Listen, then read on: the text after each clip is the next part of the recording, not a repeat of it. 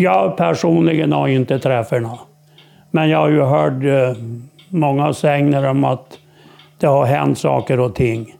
Den som har och fått se några skepnader utav och Men eh, Gruviklund som vi ska prata om, han hade träffarna många gånger. Jag minns ju en midsommardag på förmiddagen, morgon var det. Kom hem till vi.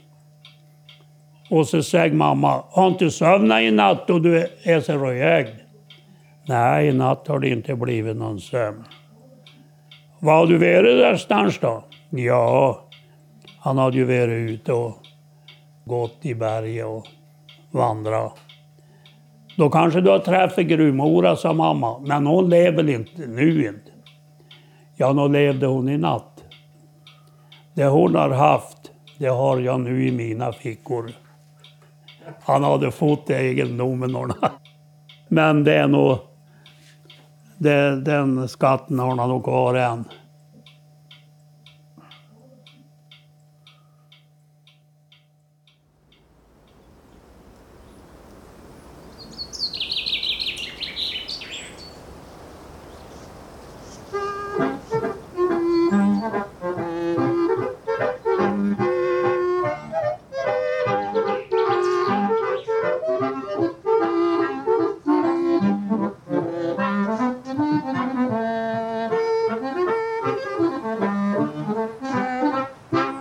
Gruvmoran för Sala silvergruva. Hon hade sagt att hon hade en syster i Norrland som var mycket rikare än vad hon själv var. Systern var gruvmora för ett berg som hette Gruvberget. Och i det berget ägde hon en silvergruva. Gruvan skulle komma att upptäckas av människorna en gång. Och det skulle gå till så här. En ko som tillhörde en gumma skulle få två kalvar som skulle vara vita med svarta öron och likna varandra som två bär. De här kalvarna skulle gumman föda upp till midsommarnatten då skulle hon ta kalvarna med sig och gå till Gruvberget. Kalvarna skulle då kunna söka reda på silvergruvan och gruvan skulle då få bearbetas av människorna där. Vid Björna kyrkby i Ångermanland, där finns det ett berg som heter Gruvberget. En gumma i Björna, hon hade en ko. Kon fick två stycken kalvar tre veckor före midsommar. Kalvarna vore vita med svarta öron och liknade varandra som två stycken bär. Gumman kände till sägnen om silvergruvan i Gruvberget. Hon blev mycket glad och omhuldade kalvarna sina på bästa sätt. Hon var säker på att kalvarna skulle kunna upptäcka silvergruvan i Gruvberget. En vecka före midsommar så kom hennes man hem. Han hade varit ute i timmerflottningen. Gumman talade om den goda nyheten för honom men gubben blev inte glad. Han var rädd att när gumman och kalvarna kom till gruvberget då skulle gruvmoran ta dem. Men han sa ingenting åt gumman utan han gick till lagorn och stack ihjäl de båda kalvarna. Missräkningen blev stor för gumman men det skedda kunde ju inte ändras. Kalvarnas kött försökte man koka i tre dagar men köttet var ändå alldeles stenhårt. Till slut så gav man köttet åt hundarna men de ville inte äta av det. Gumman hade en bror som kallades för Stötta-Nisse och det var för att han stammade. En gång skulle han söka rätt på några hästar som betade i skogen vid Gruvberget. Han gick härs och tvärs genom skogen men inga hästar syntes. Till slut så gick han upp på berget. När han hade gått en stund så kom han fram till ett djupt hål som gick rakt ner i berget. När han tittade ner i hålet så fick han se att det glänste av silver. Runt omkring öppningen växte träd och i trädgrenarna hängde långa silverstänger. Han förstod nu att han hade hittat silvergruvan och genast stoppade han på sig några silverstycken. Med kniven sin gjorde han märken i trädstammarna när han gick därifrån för att han lättare skulle kunna hitta tillbaka. När han hade gått några kilometer så blev han så trött. Han försökte att gå vidare men han blev allt sömnigare, sömnigare och sömnigare. Till slut satte han sig ner på en sten för att vila och där på stenen somnade han.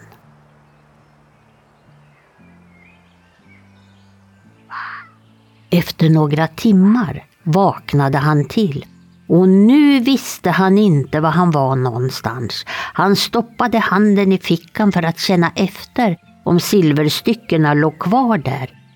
Och det gjorde de.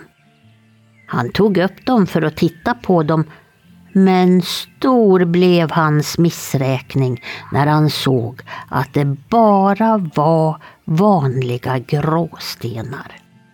Nu tittade han efter om märkena i trädstammarna fanns kvar. Men han kunde inte upptäcka några märken alls. Till slut måste han ge upp sitt sökande för nu började det att bli mörkt. Han förstod att gruvmoran inte ville att hennes silvergruva skulle bli upptäckt än. Och ännu idag väntar folket i Björna att silvergruvan i Gruvberget ska upptäckas och bli till nytta för hela Björna socken som då kommer att blomstra upp.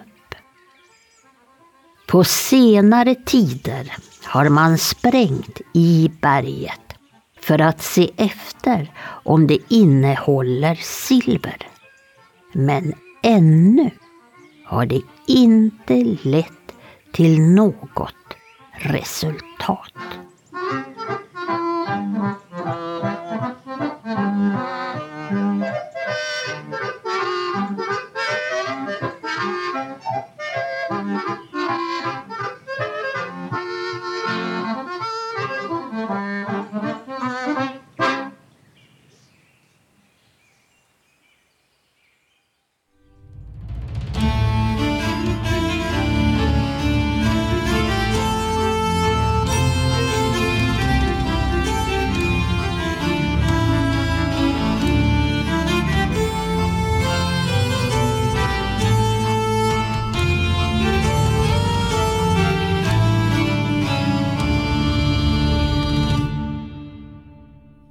Hej och välkommen till eh, podcasten som vi kallar När man talar om trollen, där vi berättar om eh, folktro och myter och traditioner här uppe i Norden.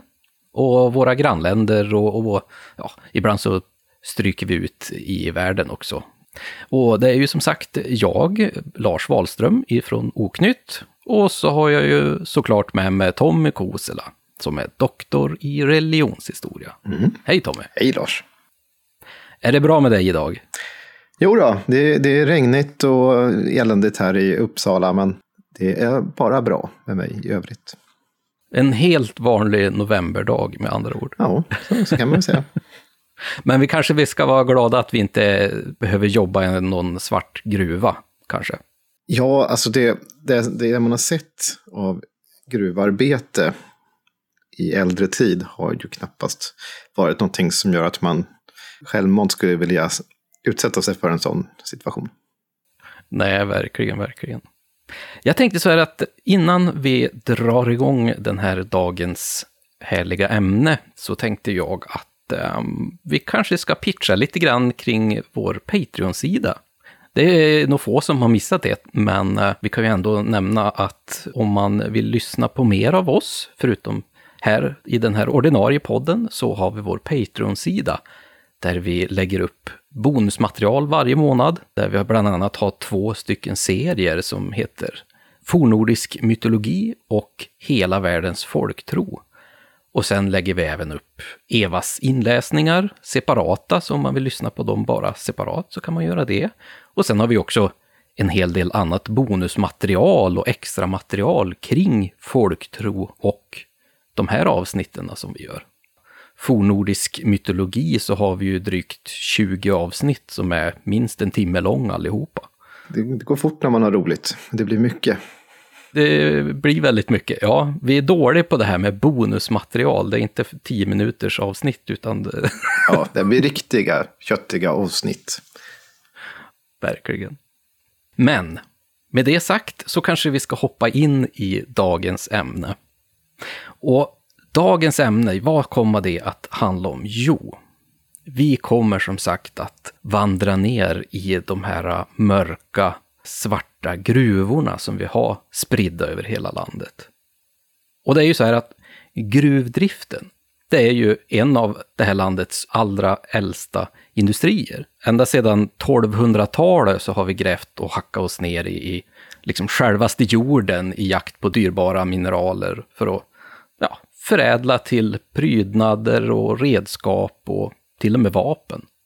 I början så fann vi ju det här fina hårda järnet i myrar och gamla sjöbottnar, vilket lyfte oss då ifrån bronsålderns långa era av liksom glittrande brons och koppar.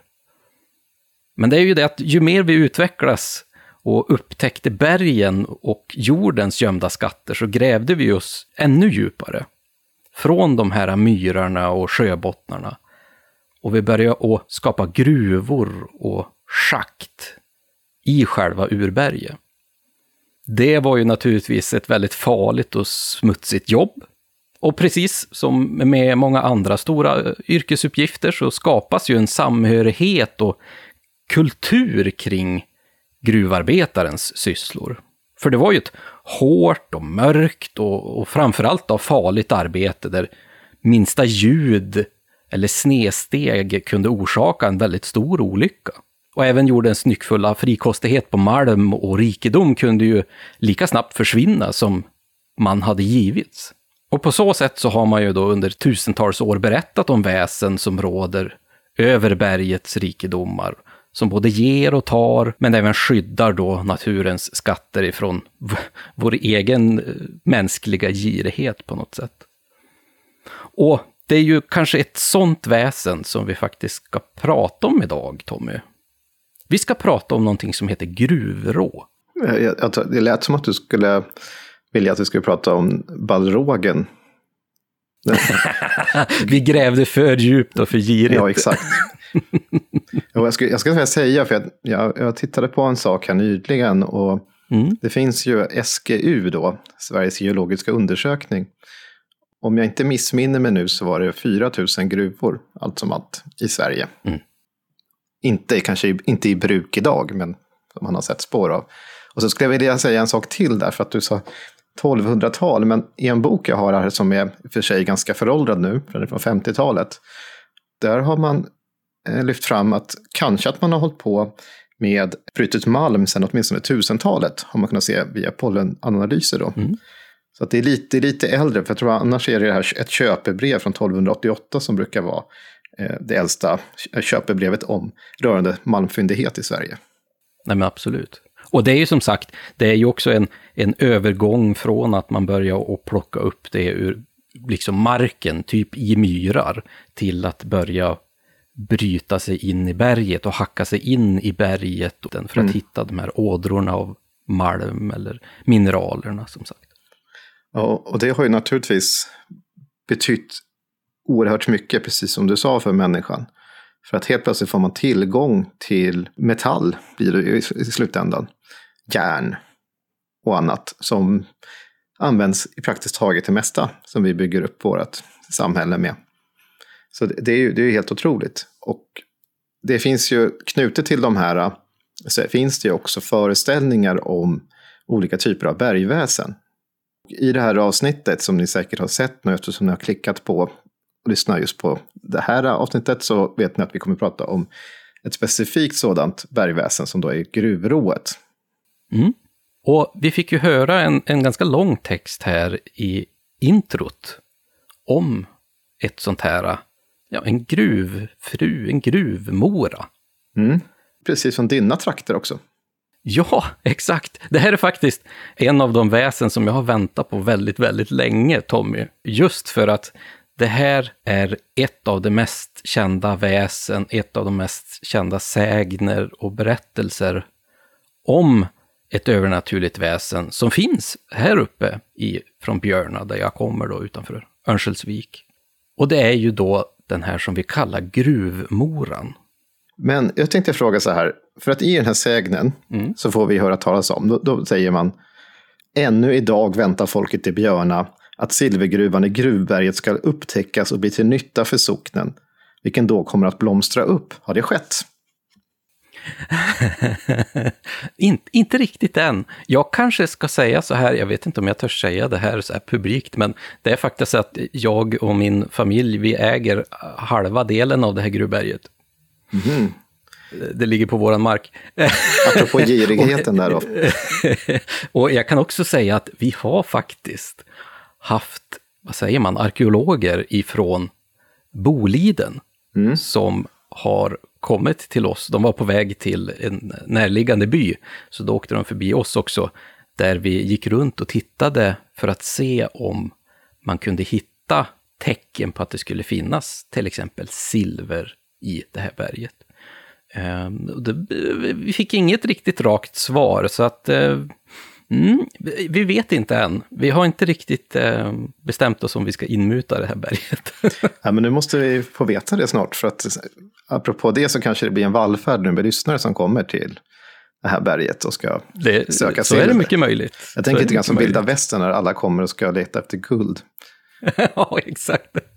Det finns faktiskt en hel del schakt och även en stor grottöppning där det är grävt ur och sprängt ur berget i jakten på det här silvret som den här gruvmoran ska ha i det här gruvberget. Och det är många, många som har försökt och eh, bryta sig in i det här berget och hitta de här ådrorna. Mm, spännande. Ja, det är som sagt det är sällan faktiskt vi har en berättelse som kommer från din hemtrakt just. Mm. Alltså Ångermanland är ju rikt förekommande i den här podden. Det kommer komma fler berättelser från Ångermanland senare i, i avsnittet. Men jag tänker också, det, vissa saker i den här, den här kommer ju från Valdemar Ljungmans eh, samling med sägner. Som idag förvaras i för Institutet för språk och folkminnen i Göteborg.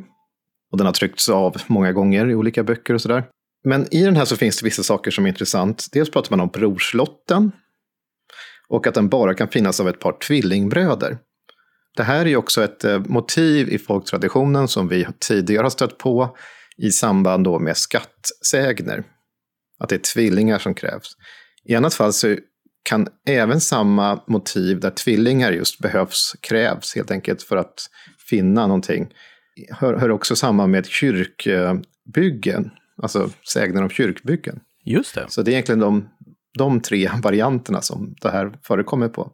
Och här har vi ju också det här att man ska ta de här kalvarna då, som eh, är, blir då en slags tvillingar. Mm. Som nästan ett offer lite grann till den här gruvmoran för att få tillgång till de här skatterna.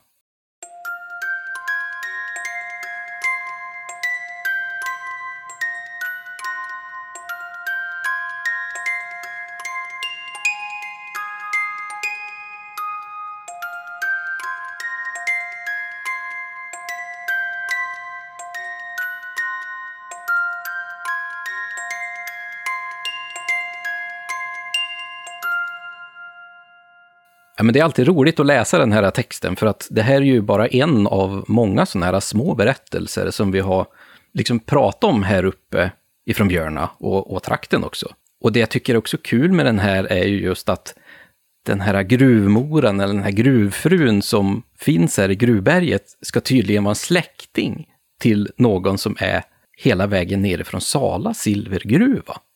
Och det är väl någonting som vi kanske återkommer till också, det här med att den här gruvfrun, eller det här gruvrået, är liksom en släkting till ett annat väsen eller ett annat rå, vilket är rätt kul. Precis, och det är faktiskt ett väldigt vanligt motiv i förhållande till sådana här eh, eh, gruvrån då.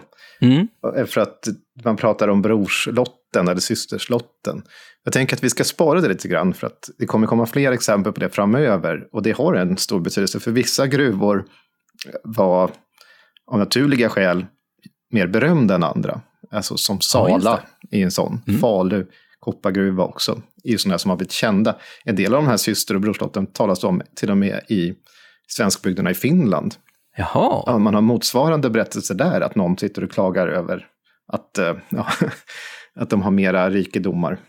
Det, är väldigt roligt att se det här att eh, till och med de här väsenen, väsena eh, har också så här lite syskonrivalitet och lite avundsjuka så här över att eh, sitt syskon eller sin släkting har det lite bättre än sig själv. Så där. Dels det, och sen också att man ibland vill lura bort personer från den platsen mm. som, som de befinner sig på. Att de istället hänvisar till sitt, sitt syskon som har en större skatt, att de hellre ska gå dit. Men eh, benämningarna på de här, eh, det har ju skiftat, så det finns ju väldigt många olika benämningar på den här typen av... Mm. Här har vi, något som är vanligt hos oss till exempel, det är ju just gruvmoran, som vi säger, eller gruvfrun, mm. brukar vi också säga. Uh, men jag har ju också sett typ gruvmaja. Ja. Du kan säga gruvjungfru också, du kan säga gruvfröken, gruvmamsell. Så du har ju olika sammansättningar med eh, gruva. Du har ju också, alltså egentligen är det här en form av bergsrå. Jaha, just det. Men att nu, eftersom vi kommer det här alltså fokuserar just på gruvdrift och, och, möten i gruvor eller kring gruvor. Så tänker vi att då kanske vi ska ha mera eh, avsmalnat där. Men det är ju ett bergsrå eller bergafru som då man ska, eller bergdusa eller malmjungfru. Råden kallas det för i Västerbotten exempelvis. Så, så här, den här har många olika benämningar. Och malmjungfru kan det också vara i vissa fall. Det är samma typ av väsen, men det här påminner ju på samma sätt som, säg, skogsrået då. Att du har ett kanske paraplybegrepp som vi säger då, som skogsrå eller sjörå eller gruvrå i det här fallet. Och då kan vi ju upprepa det att rå i det här fallet betyder den som råder över platsen, alltså den som härskar över gruvan egentligen. Mm. Du sa ju här i början också att det är lite ovanligt att vi hittar någonting så långt uppe i Västernorrland till exempel, just kring det här gruvrået då. Men vart kan man liksom se då att det här gruvrået befinner sig i landet? Hur, hur är den lokaliserad? För vi vet ju det att vissa olika typer av väsen har en starkare grepp om olika regioner i landet. Mm. Ja, jag skulle säga att det är centralsverige då. Det är områden som av naturliga skäl där man har haft mycket i gruvor att göra. Men du hittar ju också exempel uppe i Piteå och sånt där på liknande med föreställningar om en vid bergen rådande, alltså kvinnligt väsen. Ibland finns det en gubbe också beskriven, en berg, bergsgubbe. Man kan säga bergkärring också om den här, särskilt i Norrland. Så visst, det finns, men vi tänker vi håller oss till den här, vad ska jag säga, mellansverige, centralsverige-idén då om, eh, om gruvrået. Mm. Och jag kan tänka mig också att det är lite komplicerat, som vi brukar säga ibland, att eh, till exempel eh, gruvrået här, att ju längre norrut man kommer så desto mer kan hon svepas in i andra typer av sägner, till exempel om vittrand. Och det kan jag faktiskt känna av här också i många av våra berättelser kring gruvmoran eller gruvfrun att ibland så benämns hon som vitterfru. Mm. eller att det är Vitera, men att hon samtidigt är den här gruvfrun. Så att det går i varandra lite grann sådär. Och jag kan tänka mig att det är liknande ju längre norrut man kommer. Ja, samtidigt som det finns exempel på där även skogsrået har sammanblandats med gruvrået söderut. Så trollen som också har sedan gammalt bergen som sin boning är också en del av det här, för den här föreställningsvärlden. Så den är ju inte helt enkel alltid, men man kan säga att i majoriteten av de berättelser som finns bevarade, eh, och då är det folkminnesmaterial som nu finns i olika arkiv, som är ganska unga faktiskt. Där är det då framför allt en eh, kvinnlig gestalt som uppträder vid en plats där det finns en malmfyndighet, alltså i regel då en gruva. Det är det som brukar, som är liksom kärnan här i, i det här avsnittet.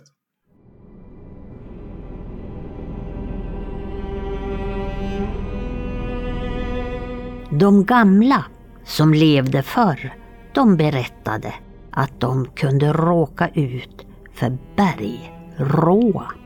Hon var nere i gruvan och om de inte slutade i rätt tid på kvällen så var det inte bra. Och då kunde det hända dem något. För det var ju hon, Gruvråa, som hade malmen. Och om de inte var hyggliga i berget, ja, då fick de ingen malm. De kunde ju själva tycka att det var fullt med malm när de började hacka. Men när de hade hackat en stund, ja, då fanns det ju ingen malm.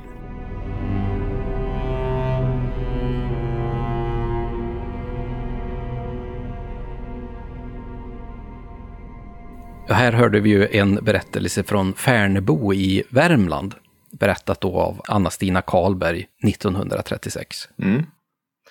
Jo, det här är en berättelse som man kan hitta på också i ett arkiv då, men eh, den finns på söktjänsten Folke mm. på nätet.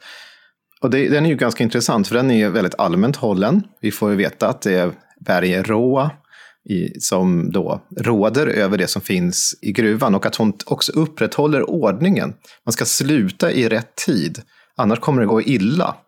Och man ska bete sig hyggligt, alltså man ska vara, bete sig respektfullt och tänka på de regler som finns för gruvdriften så att säga. Annars kan, är det hon som ser till att man inte längre får någon malm. För hon råder helt enkelt över malmen.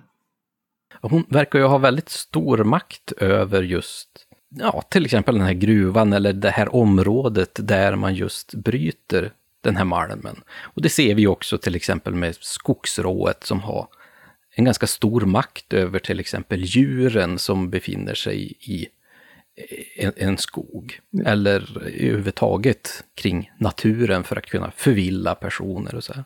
Ja, eller ännu mer så kanske också sjörået som är det äldsta av de här råföreställningarna vi har. Som råder över fisket och det som sker på, vid vattnet. För att det är nämligen så att en del forskare har funderat över åldern på många av de här rådarväsendena de här naturväsena som finns.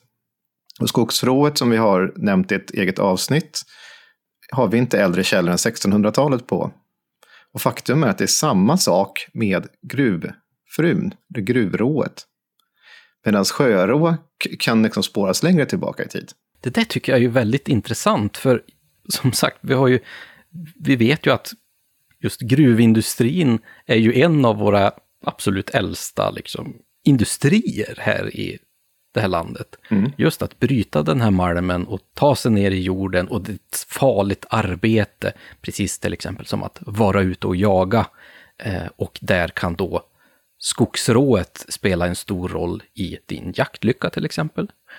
Men att det är först 1600-talet då där vi kan hitta någonting om den här. Men är det då den här föreställningen av gruvfrun som man tänker sig då. Ja. Eh, att det är det här kvinnliga väsendet som råder över den här gruvan. Ja, precis. Du kan ju också hitta i berg och gruvor, eller berg framför allt, och skogar hittar du ju andra väsen beskrivna långt tidigare. Eh, bland annat troll. Nu ska vi ju, måste jag ta upp Olaus Magnus. Ja. Han har ju också beskrivit gruvdrift Och han beskriver också troll som verk, verksamma i bergen. Så det, han säger ju ingenting som uttryckligen då skulle kunna vara ett, gruv, eh, ett gruvrå, men eh, han har ju troll istället i en sån position. Liknande position som finns i bergen. Det finns med ett, snitt, ett träsnitt på det. Ja, men den äldsta då beskrivningen där vi får ett bergsrå är då från Västmanlands dombok år 1685. Och i den här beskrivningen så, så ser vi också att hon har en del drag, som att hon är en slags skyddsling för fiskelyckan. Så att det finns en del som är påminner. Och i en del äldre så, eh, beskrivningar så kan också alltså, bergsrået hålla till nära vatten eller sjöar. Och sitta och kamma ja. sitt långa hår och sådana saker, precis som vi hittar med sjörå. Så det finns likheter ja. där. Det låter lite grann som att den här gruvfrun, det här gruvrået, är nästan som en liten utveckling av just våra, kanske då tidigare rådande väsen, som sjörået, skogsrået, i och med att vi började jobba mer i gruvorna och få en helt ny yrkesgrupp nästan, där man befinner sig i en väldigt specifik miljö som är väldigt karaktäristisk också. Det är den här mörka, farliga miljön som man befinner sig i. Och det är ju klart, där behöver man skydd. Och den är ju väldigt oberäknelig också, den här miljön. Det är, det är miljön när det gäller bergen som har fascinerat mig tidigare. Eh, jag har varit på väg att skriva om det, jag har än så länge inte gjort det, men det var alla dessa omnämnanden av bergshundar, eller berghundar som finns. Mm. Faktum är att många av dem tillhör då bergrået. Och Eh, det sägs då inte att det är just gruvrået, men i de här, tidiga, eller de här beskrivningarna jag tittar på så är det ju både kor och framförallt hundar man kan möta som då tillhör ett bergrå. Och det här påminner ju också återigen då om sjörået som också har djur som kommer upp. Eh, men det är fascinerande för att många av de här berghundarna, de kan man möta separat också. Just det. Inte minst i Gästrikland och Hälsingland och sådär som jag tittat på. Och det är någonting som jag känner igen än en gång ifrån våra berättelser här uppe också kring gruvfrun är att hon har två stora mörka hundar med sig. Mm. Och att man kan höra dem skälla när man är runt det här området.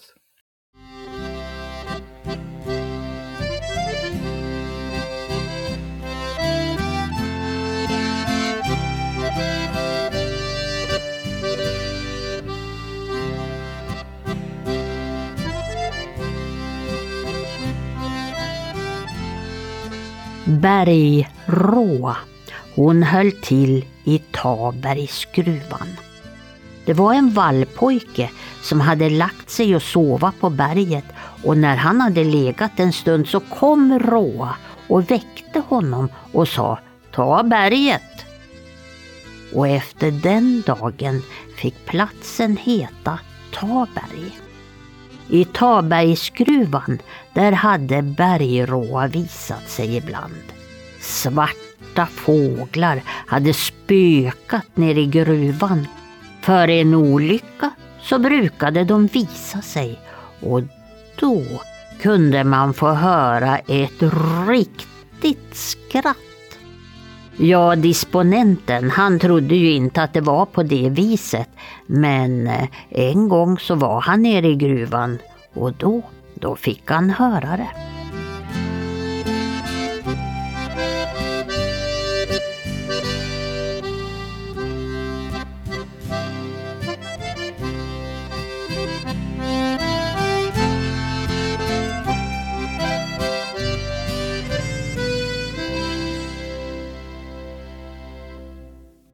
Här har vi ju en berättelse om ett bergsrå ifrån Tabergsgruvan i Värmland.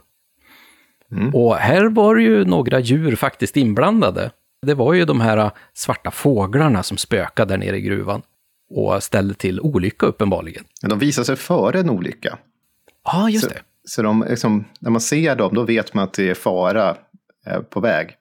Här kunde man också höra ett riktigt skratt, ungefär som att det är då någon har brutit någonting eller eh, sett att det kommer ske. Och då är det bergrå i det här fallet som, som ser till att en olycka sker inne i, i berget. Då.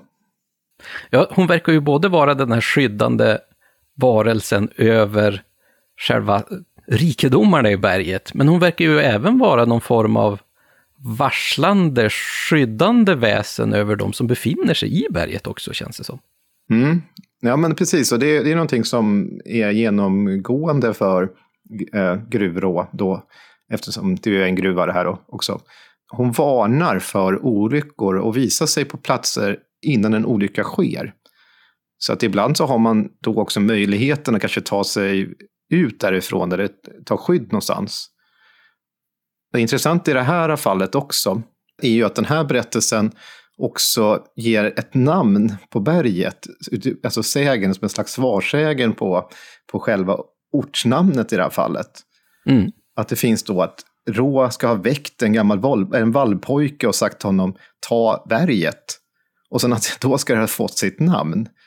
Och det där tror jag ingen ortnamnsforskare skulle gå med på. Men i folktraditionen så har man ju helt andra förklaringar. Att det är liksom, ja men det är för att det här har skett en gång i tiden. Jag undrar lite grann vad hon menar med att ta berget. Ska det ha varit att de eh, kanske skulle ta och gräva sig ner i det här berget? Ja, intressant. Mm, ska det De här väsena är ju inte jättetydliga ibland i sina kommunikationer sådär. Nej. Um, men, um, och på så sätt påminner de om människor. det är helt, helt sant. Helt sant. Jag tänker på att vi, vi måste ju komma in på och förklara vad, vad egentligen gruvrået är och ser ut. Och måste komma in på några berömda fall. Eh, jag vet att det är säkert en del lyssnare som sitter nu vill höra mer exempelvis om Falu koppargruva och sådana saker. För att det är ju ett, förmodligen, alltså det är ju också en turistattraktion idag. Jag har själv också varit nere i Falu koppargruva, som säkert så många andra som lyssnar nu. Sala silvergruva är också en sån plats som man gärna pratar om och, tar sig till. Men vi, måste komma in och försöka förklara, eh, jag tänker framförallt då på eh, eh, Falu koppargruva, hur gamla berättelserna om ett rå på den platsen är. Men innan vi gör det kanske vi ska lyssna på en berättelse som åtminstone nämner eh, Falu koppargruva.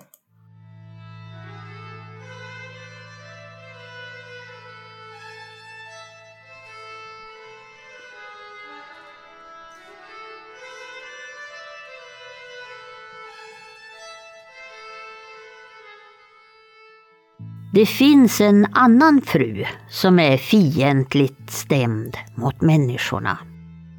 Hon råder över gruvor och fyndigheter och är mera värdefulla än både Falu gruva och andra hitintills kända gruvor. Hennes gruva kallas därför för Brorslotten. För om den blev upptäckt då skulle den stå i värde så som förr innan den nya lagen kom till. En brorslott till en systerlott. Många har sökt brorslotten.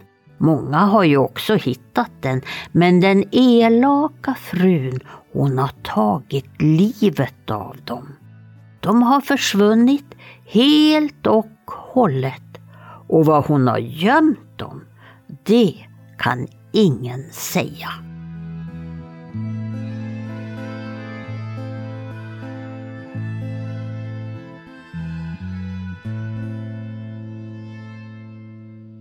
Selma Lagerlöf?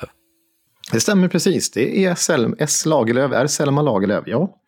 Här har vi ju en väldigt tydlig här, brorslotten. Mm. Kan du kanske beskriva beskriva eller förklara, vad är brorslotten här? Man nämner också det här med systerslotten. Ja, det här är som ni kanske förstod av förtjusningen att det är S. Lagerlöf är alltså Selma Lagerlöf. Och eh, som svar på din fråga, vad menas egentligen med en brorslott? Ja, det, det är ju en gammal, det har ju med arv att göra. Alltså en gammal lag som säger en gammal arvslag som gäller från Birger Jarls tid egentligen det var att en syster ska ärva hälften mot en broder. Så att det betyder alltså att brorslotten är dubbelt så stor. Men det här var också en lag som upphörde år 1845 då det blev lika. Så att Selma i det här fallet hänvisar tillbaka på att det är äldre än den tiden. Så att det, det är det man menar här. Så tänk er när ni hör i kommande sägner också. Man pratar om brorslotten, för det lever ju kvar i minnet. Är det alltså en, ett arv, alltså något dubbelt så värdefullt, dubbelt så mycket som systerslotten. Då. Mm. Och det är ju väldigt kul att höra här i den här berättelsen att de här gruvorna som hon råder över är mycket mer värdefullare än både Falu gruva och andra hittills kända gruvor. Så det här måste ju vara en enorm fyndighet som den här el elaka frun liksom råder över. Precis, jag kan, jag kan säga att, att Selma har skrivit mer om detta. Mm. Och det här är någonting som kom till innan hon eh, skrivit, nedskrivit Gösta Berlings saga. Så det, det, finns en variant på detta där också. Men, och då, då skriver hon på det här sättet. Frun i Falugruva är god och vänlig mot människor. Hon har ifrån början ägt gruvan vid Falun med alla dess fyndigheter, men har upplåtit och skänkt allt sammans åt människobarnen. Hon tycker om att höra dem arbeta där nere. Det är och för henne vad tomtarna är och för oss. Det är och små, små som myror, där det går ner i schakten och borra och hamra. Och hon sitter djupt nere i berget och lyssnar. Nu är det så att hon känner i sin själ, denna fru, bergets alla egenskaper. Hon är så att säga nästan ett med berget, och emedan hon vill människorna väl, bliver tyngden i berget såväl henne som människorna övermäktig. Då uppenbarar hon sig för arbetarna och varnar dem. Ty då stundar bergras. Ja, och just när det gäller Falu, eh, Falu koppargruva så finns det berättelser som skildrar ett väsen eller en makt i den här gruvan som är ganska gamla. Det äldsta belägget går tillbaka på år 1755. Mm. Och jag ska läsa ett eh, referat här som kommer från en forskare som heter Karl-Erik Forslunds eh, sammanställning. Och då har han skrivit på följande sätt. Vid en middag hos borgmästaren i Falun, Erik Eriksson, i januari 1755 berättade assessorn Samuel Troili för landshövdingen Wennerstedt och andra gäster att arbetarna i västerorten talat om för honom hur och som det i december året förut citat, blivit förskräckte av ett spöke. Te der hört, vilket de mente var berggubben eller rådanden över gruvan som stundom gråtit som ett barn, stundom hörts inuti klyftan sucka, ej olikt som någon gruvearbetare där innanföre instängd blivit. De trodde, citat igen, att bemälte berggubbe antingen ville därmed varna folket ifrån någon dem förestående olycka eller och fängna dem med något, säg snart yppande bättre arbete av lönande malm. Slut på citat. För stigaren Göran Solberg hade en gruvkar berättat att de hört någon citat ynkeligen jämfra sig stundom och råma och böla som en oxe. Slut på citat. Och ett litet stycke därifrån hade de hört någon gråta som ett spett barn. Lars Schultze, som skrev ned historierna, avfärdade allt sammans som ett nog spitsigt påfund av arbetarna som ville ha detta arbetsrum inställt, citat, för takfall och stark hette skuld, slut på citat. Men påfund halp ej. Rummet ställdes inte in utan var där i avsikt på berggubbens givna goda tecken av dess läten än vidare på försök fortsatt. Så här har vi alltså en beskrivning, den äldsta av Falu koppargruva. Alltså här berättar man om eh, en bergsgubbe eller en slags rådande som finns i gruvan. Som har suckat och, och låtit och uppenbarligen varnat eh, arbetarna för olika saker. Har bölat som en oxe, gråtit som ett spädbarn. Men att man har liksom avfärdat detta som ett, ett spetsigt påfund, då, spitsigt påfund av gruvarbetarna. som inte ville jobba där nere. Väldigt häftigt. Och jag tänkte nästan på, vilket årtal var det här ifrån säger du? 1700? 1755. Ja. För jag, jag satt och tänkte hela tiden på den här otroligt märkliga eh, händelsen som jag tror att vi kanske har pratat någon gång om i det här avsnittet. Att vi har ju den här Fet-Mats mm ifrån Falu koppargruva. Den här gruvdrängen som stängdes in i gruvan av ett ras och sen hittades 40 år senare i stort sett helt oförändrad, död naturligtvis, men nästan mumifierad. Och det här skedde ju då på 1677. Och sen hittas han ju då 40 år senare vid 1719. Och sen få höra berättelser om den här gruvmannen som råder över berget, tycker jag är en ganska läcker händelse egentligen. Ja, men det, det sker ju också en hel del olyckor. Det är gruvras och det är annat som kan gå väldigt illa i gruvorna. Mm. Och det finns en annan händelse som har en ganska god beskrivning från just Falu koppargruva. Som jag tänkte också att vi skulle kanske ta och lyssna på. Och den här gången, det är ett memorat då som eh, från 1876 som, som beskrivs i anslutning till ett stort gruvras som skedde då. Det börjar då, Johan E. Wilhelmsson berättar så här. Bland gruvarbetarna i övre stigeriet, dit bland annat Adolf Fredriks schakt hörde, rådde stor oro och ängslan. Av flera tecken att döma var ett stort ras i görningen. Det knäppte, knakade och råmade i berget. Och blossen slocknade ofta i draget från gruvgångarna. Överstigaren Bergström gick omkring och såg ut som ett åskmoln, ty disciplinen bland arbetarna var stadd i upplösning. En dag kort därefter kom en arbetare utrusande från ett av de mindre arbetsrummen ut till det stora. Han var mycket uppskrämd och påstod att ett stort bergtroll var efter honom. Trollet visade sig i det lilla arbetsrummet och var efter honom hela gången ut till det stora. Arbetaren skyndade sig iväg för att via anfarten ta sig upp ur gruvan och med honom följde ett par andra arbetare som heller inte ville vara i gruvan med sådant otyg kring sig. Det här tycker jag är väldigt spännande och den fortsätter sen också. Eh, för att nu, nu har de liksom berättat vad som har skett på den här platsen. Och tillsammans då med en annan med gruvarbetaren Uttström, som också finns med här, går stigaren in i samma gång som Dahlström har varit i. Och då får vi höra det här.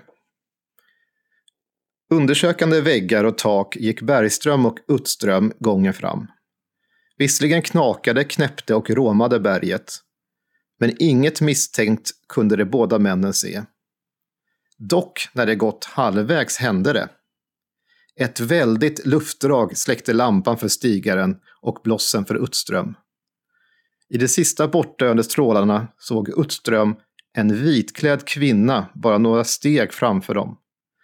Som han var övertygad att Bergström också sett, ropade han. Såg ni fruntimret? Tig människa och slå blossen så får vi ljus, skrek Bergström, alldeles ifrån sig. Uttström gjorde så och vid de första strålarna tittade båda framåt gången. Ingenting misstänkt fanns dock att se och sedan de domat lampan fortsatte undersökningen. Men framkomna i arbetsrummet som Dahlström lämnat såg de genast att faran för ras var överhängande. Den bortre långväggen i rummet hade pressats fram en halv fot och det var tydligt att hela berget över dem var på väg mot djupet. Här är ingen tid att förlora, konstaterade Bergström. Vi måste tillbaka från det hotade området och få ut alla ur gruvan. Inte ens Berghautmannen kan förneka oss det. De båda männen skyndade tillbaka och samlade alla hotade arbetare, cirka 35 man. På olika vägar tog de sig upp till marknivån. Slut på den här berättelsen. Här fick vi ju en väldigt tydlig berättelse där man fick se att det här gruvväsendet liksom förvarna om att nu är det dags, uppenbarligen, att det kommer att ske något hemskt här. Men det var ju rätt intressant också, för vi börjar ju få höra om att det var liksom ett bergstroll nästan, som sprang runt. Och sen då kommer den här kvinnan i klädd i vitt. Mm. Är det då två olika typer av väsen eller är det samma i, i olika skepnader? Eller? Nej, det, det, tror jag inte. Alltså, det här första är ju så som den här uh, arbetaren har beskrivit, att han blev jagad av någonting som han menar var troll. Mm. Uh, och så det är väl, det är han, så som han har beskrivit, ett slags bergstroll. Men när de andra kommer ner så visar sig en vitklädd kvinna precis innan allting håller på att gå åt skogen, så att säga. Så att hon kommer som en varning här. Och jag tror att det är precis att det är samma egentligen figur, bara att den beskrivs på olika sätt. Det finns ytterligare en berättelse jag skulle kunna läsa upp som är något senare. Som handlar om ett arbetsrum som heter Kapellet. Mm. Eftersom det fanns ett fyrkantigt altare där inne. Jag, jag, jag läser upp den helt enkelt. Detta altare var en sevärdhet, ty den släta ytan var randad i gult, rött och grönt. En dag fick gruvfogden för sig att just där altaret stod skulle en förbindelsegång till ett annat arbetsrum göras. Därför sade han åt tre arbetare att maka till ett bål runt altaret. Bäst arbetarna höll på med vedsläpningen kom bergfrun in till dem i arbetsrummet. Det var ett rasande vackert fruntimmer. Hon liknade en strålande zigenerska, vitklädd och barhuvad.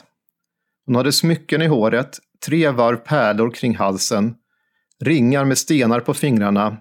Sidenet frasade när hon kom. Hon befallde de tre männen att sluta med arbetet, vilket de genast gjorde. Arbetarna gick till fogden och omtalade sin syn och bad om annat arbete, som de även fick. Men fogden skickade dit sex andra arbetare som gjorde tillmakningen färdig. När de gjort bålet färdigt och tänt på visade sig bergfrun för de förskräckta gruvarbetarna och sade nu har vi ni tänt ett bål som inte skall slockna snarliga. Svavlet i berget tog eld och brann i två år.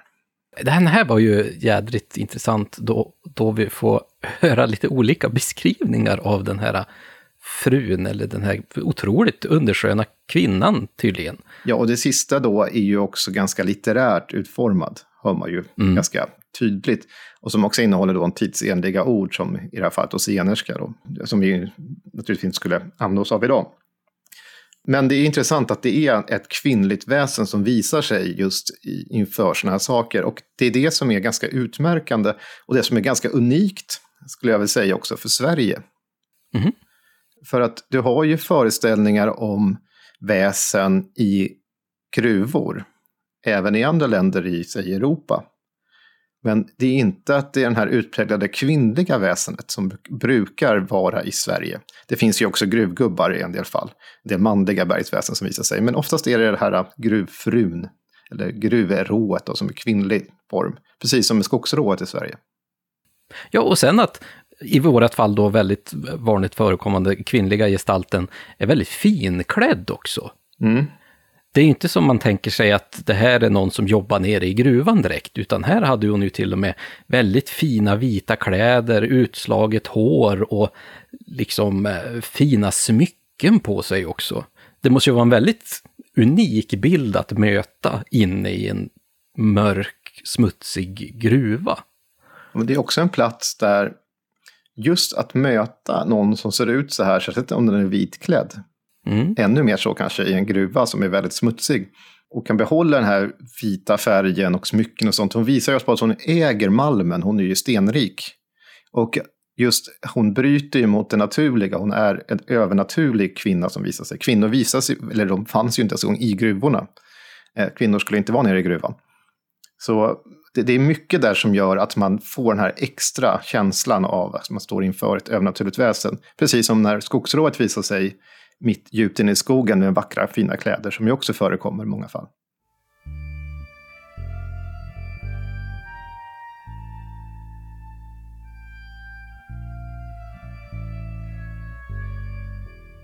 En kar från Delsbo steg ner i Falu gruva och då hörde han en röst från djupet som sa Nu är jag rik, men min syster i Blackåsen, hon är rikare hon. Blackåsen ligger som bekant i Delsbo socken och rykten har länge varit i svang om kopparmalmfyndigheterna där.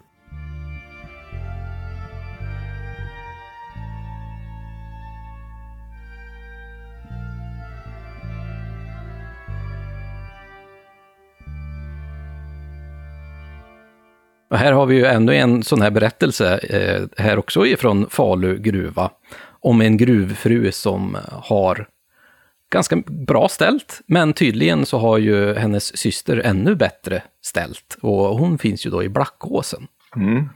Och, nu, och då befinner vi oss då i Hälsingland.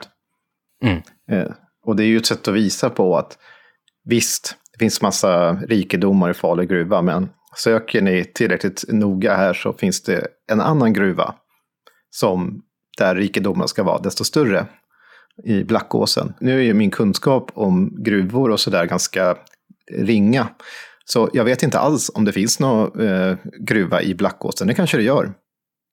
Men att det ska vara mer kopparmalmsfyndigheter där än Falu gruva, det har jag svårt att tro. Men enligt sägnen här ska vara i alla fall så. Oftast verkar det ju vara så att den här systern eller syskonet som har mer rikedom befinner sig ju ofta i, på en plats där det inte riktigt finns en gruva än. Mm. Eller där man inte riktigt har hittat något. Och det skapar ju ännu mer spänning naturligtvis på den platsen, för att här har man kanske försökt. Eller att ingen har försökt än, och då är det klart, då är det ju där de här stora rikedomarna finns. Annars borde man ju ha hittat det. Det är också den här drömmen om rikedomen. Ja, Det, det är också, tänker, det som präglade vilda västern så himla mycket med guldruschen. ja exakt. Att det, det är liksom någonting, att tanken om att tänk om vi hittar en, en gruva med malm så rikt så att vi kommer kunna bli eh, snorförmögna, stormförmögna. Eh, och det, det har ju alla drömt om i alla tider. Ja, än idag håller, drömmer ju folk om att plötsligt snubbla över någonting som gör dem stormrika. Och det, det är ju allmänmänskligt och så har det ju varit tidigare också, i äldre tid också. Och om man tänker just under 1800-talet så det var en väldigt fattig period, i alla fall här i Sverige. Eh, vi hade bland annat de här svältåren till exempel, Eh, i- fram emot slutet på 1800-talet. Så att det var väldigt dåligt ställt hos väldigt många ute i landet. Och då finns ju naturligtvis ett väldigt sug och en längtan av att kunna hitta de här otroliga rikedomarna inne i berget. Men tyvärr så finns ju det här då rådande väsenet som bestämmer om du faktiskt kommer att få det här eller inte. Men du Tommy, vi norpar ju lite grann på att det var den här kvinnliga figuren som var finklädd och så här. Men vad har vi för beskrivningar av hur hon egentligen såg ut? Den här gruvfrun. Det, det kan variera ganska mycket, men att hon är uppenbart eh, en förmögen kvinna syns i flera fall. Att hon är vacker eh, förekommer på samma sätt som det också kan beskrivas att hon är fruktansvärt ful. Ja, Eh, så du har ju både, du har ju hela, liksom, precis som i skogsrån. Att ja, ja. Jag sitter precis och tittar på en berättelse från Skellefteå, från Morön, och där visar hon sig eh, med en röd och blå strumpa. Det är typ det som beskrivs av henne. Det är någonting som, som Det är det utmärkande för att hon var lite avvikande Ja, från men normen. hon kan ju också ha klor och svans. Men det vanligaste är som sagt att hon är då ganska likt, lik en människa. Att hon, hon är i regel eh, också faktiskt osynlig. Får man ju inte glömma att hon visar sig när hon vill visa sig. Men visar hon sig så kan hon eh, ha en blå klänning, vit klänning. Hon kan gå barfota inne i gruvan. Många sådana saker som gör att liksom, man, man fattar ju direkt att det här inte är någonting, en riktig, eller alltså en människa helt enkelt. Men någonting som skogsrået till exempel har som en av hennes egenskaper i många av de här sägnerna är ju att hon är väldigt förförisk. Hon vill oftast förföra de här männen, ensamma männen som är ute vid kolmilan eller som är ute på jakt och så här. Är det också någonting som vi ser här kring gruvrået, då hon vill skydda den här rikedomen i marken, eller kanske ge bort av den här rikedomen? Nu förstår jag att du är inne på den här sexuella biten, för det är ju så, de brukar uppstå bland ensamma män som sitter i- ensamma i skogen länge och, och fantiserar ihop det här med förföriska kvinnor. Nu, Det här i gruvarbetarna är ju i lag. nej, men det, det, Mm, svaret är nej. Det, det finns inte den här sexuella biten hos eh, gruvrået. Ytterst ovanligt att hon har, det finns faktiskt några exempel på att hon har haft barn med människor och sådär. Men Mm. jag skulle säga absolut inte vanligt, nej. Hon, hon Varför vara... är det så när det är ändå så pass stora likheter emellan typ skogsrået och, och eh, sjörået? Så här? Ja, men den största olikheten är ju att du är ju ett eh, arbetslag nere i gruvan också. du är ju inte en ensam man som är ute och möter ett, ett, en kvinn, ett kvinnligt väsen och spenderar lång tid för dig själv. Just det. Utan här har du ju alltid andra runt dig och det finns för mycket annat förmodligen att, att fokusera på och hålla liksom, ordning på. Sexuella erotiska möten här nere, det, det, skulle bryta det hela på något sätt och vis. Jag vet inte, det, det, det känns inte lika logiskt. Om man nu tycker att det är logiskt att träffa på och ha sex med skogsrået. Men å andra sidan är du ju ensam, om du kolar någonting så är du ju ensam och ligger i din kolarmila. Mm. Då vore det mer passande när det kommer en, en upphetsad, ett upphetsat skogsrå in där. Det är ju säkert den stora fantasin då. Men för en gruvarbetare så kan man krypa igenom en trång gång och liksom ligga och hacka med ett ljus på huvudet eller vad man nu har där. Liksom. Det, nej, det, det, är inte, det är inte rätt miljö för sex helt enkelt. Ja, men är det inte så också att hon, hon beskrivs väl eh, samtidigt inte så där jätte förföriskt eh, rent utseendemässigt heller. Det är väl lite att hon har kanske de här mer lite finare kläderna. Även om det är väldigt fina kläder så är det inte de här liksom kanske mer lössläppta som man säger ibland. Även om hon har det här utsläppta håret. Mm. Men att hon har de här nästan matrona beklädnaden på något sätt. Nej, alltså i själva gruvan så är det ju sällan att hon har något drag som kan anses vara erotiskt. Alltså det är ju när hon visar sig nära berget som jag nämnde tidigare vid vattendrag och sånt, hon kammar sitt långa hår eller till och med musik kan höras. Ja, men då kan det tänkas vara Eh, läge för lite andra tankar kring gruvrået. Men i själva gruvan så är hon ju mer bara som en härskarinna. En, det är statusen som framhävs är att hon är rik och liksom är en aristokratisk kvinna kan man väl nästan säga i det här läget. Någonting som jag har läst mig till också är i kombination med att hon kanske varnar att det kommer att hända något så kan det också reflekteras, den här varningen, i hennes beklädnad. Jag har läst att hon både kan ha till exempel svarta kläder, men är det en annan typ av varsel så kan hon ha vita kläder.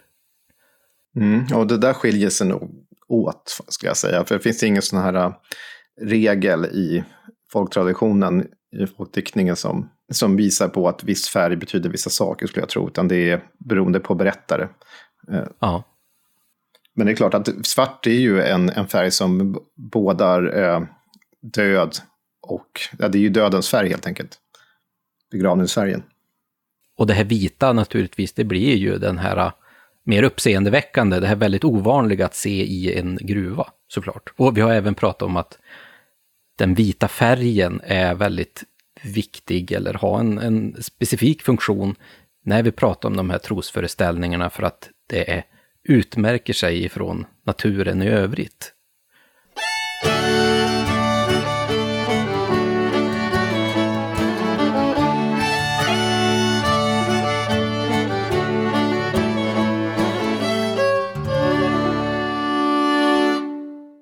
Vi har ju tänkt mycket på vad som sker i själva gruvan, men mycket berättelser kring gruvrået sker ju också runt om gruvan. Och också att när någon upptäcker en gruva, så ibland kan det också vara genom ett möte med en främmande kvinna på en plats. Det kan vara så att någon mötte på vissa sägentyp, som bland annat berättas om i Värmland och Västmanland, om att en man möter då en sån här bergsrå och eh, hon, hon erbjuder att visa honom att det finns manfyndigheter och gör det. Mannen råkar då säga Guds namn. Varpå hon försvinner och ja, så alltså i förlängningen så hittar han ju aldrig tillbaka igen. Och, eller att han får veta det här att det är en hemlighet av bergsrået då. Och eh, hon visar rikedomarna precis vart han ska gräva och till och med att han ser det. Men han måste lova henne att inte avslöja det här för någon. Men han bryter naturligtvis det här löftet. Och hur mycket han än försöker så kommer han aldrig hitta tillbaka igen. Eller så blir han sjuk och dör till och med. Så det finns en del straff. Men hela idén med att, att finna malmfyndigheter finns en sägenflora kring också. Med att det kan vara ett djur som visar sig som skrapar sina horn på marken eller något sånt där. Eh, så det, det, finns, det finns mycket där också, men vi kanske ska lämna det lite grann nu för att komma kanske för långt utanför huvudämnet här. Ja, nej, men jag tyckte det där är jättefascinerande och just det här kring att eh, man har fått den här fyndigheten av gruvrået, men så fort man har berättat för någon annan så är det helt borta. Mm. Det, det, är någonting som jag också känner igen härifrån, att bland annat det finns en berättelse om en ganska känd person som har då försökt att bryta i det här Eh, berget, det där gruvberget, och att han fick de här silverbitarna och kunde ha dem i fickan. Men så fort han hade berättat om det så visade det sig att då, helt putsväck, han kunde inte visa de här bitarna längre för att de var borta ur fickan. Och då hade ju naturligtvis gruvmoran tagit tillbaka sitt silver i och med att han hade röjt att det fanns faktiskt fyndigheter i det här berget. Det finns ju också den här idén om att man ska, lite grann som årsgång eller andra saker, man ska eh, slöja en slags divination, att man ska fasta på midsommarnatten så ska man liksom gå till en plats och så ska man tänka på eh, malmfyndigheter och sen så eh, får man en eh, vision. Det visar sig helt enkelt vart det finns. Men i den här så brukar det bli en, ett slags djur, en bock eller någonting annat som visar sig med liksom skinnet hängande. Väldigt skrämmande bild i alla fall, som hänger efter och sånt där. Så mannen Eh, blir livrädd och springer hem. Bara att det här djuret egentligen visar vart malmen finns. Så hade han stannat kvar och eh, inte blivit skraj så skulle han fått det. Och det här är ju då, kan ju ses som en, en, eh, ett alternativ av att istället för gruvrået då, att det är ett djur som visar sig. Och det handlar ju då om en, en prövning som du måste göra där, att du faktiskt ska motstå den här hemska synen av, av det här skrämmande djuret. Lyckas du med det, då kanske du hade fått tillgång då till de här fyndigheterna helt plötsligt. Vad tror du, ska vi lyssna på en text från Västmanland? Det låter bra. Ifrån Svartberget.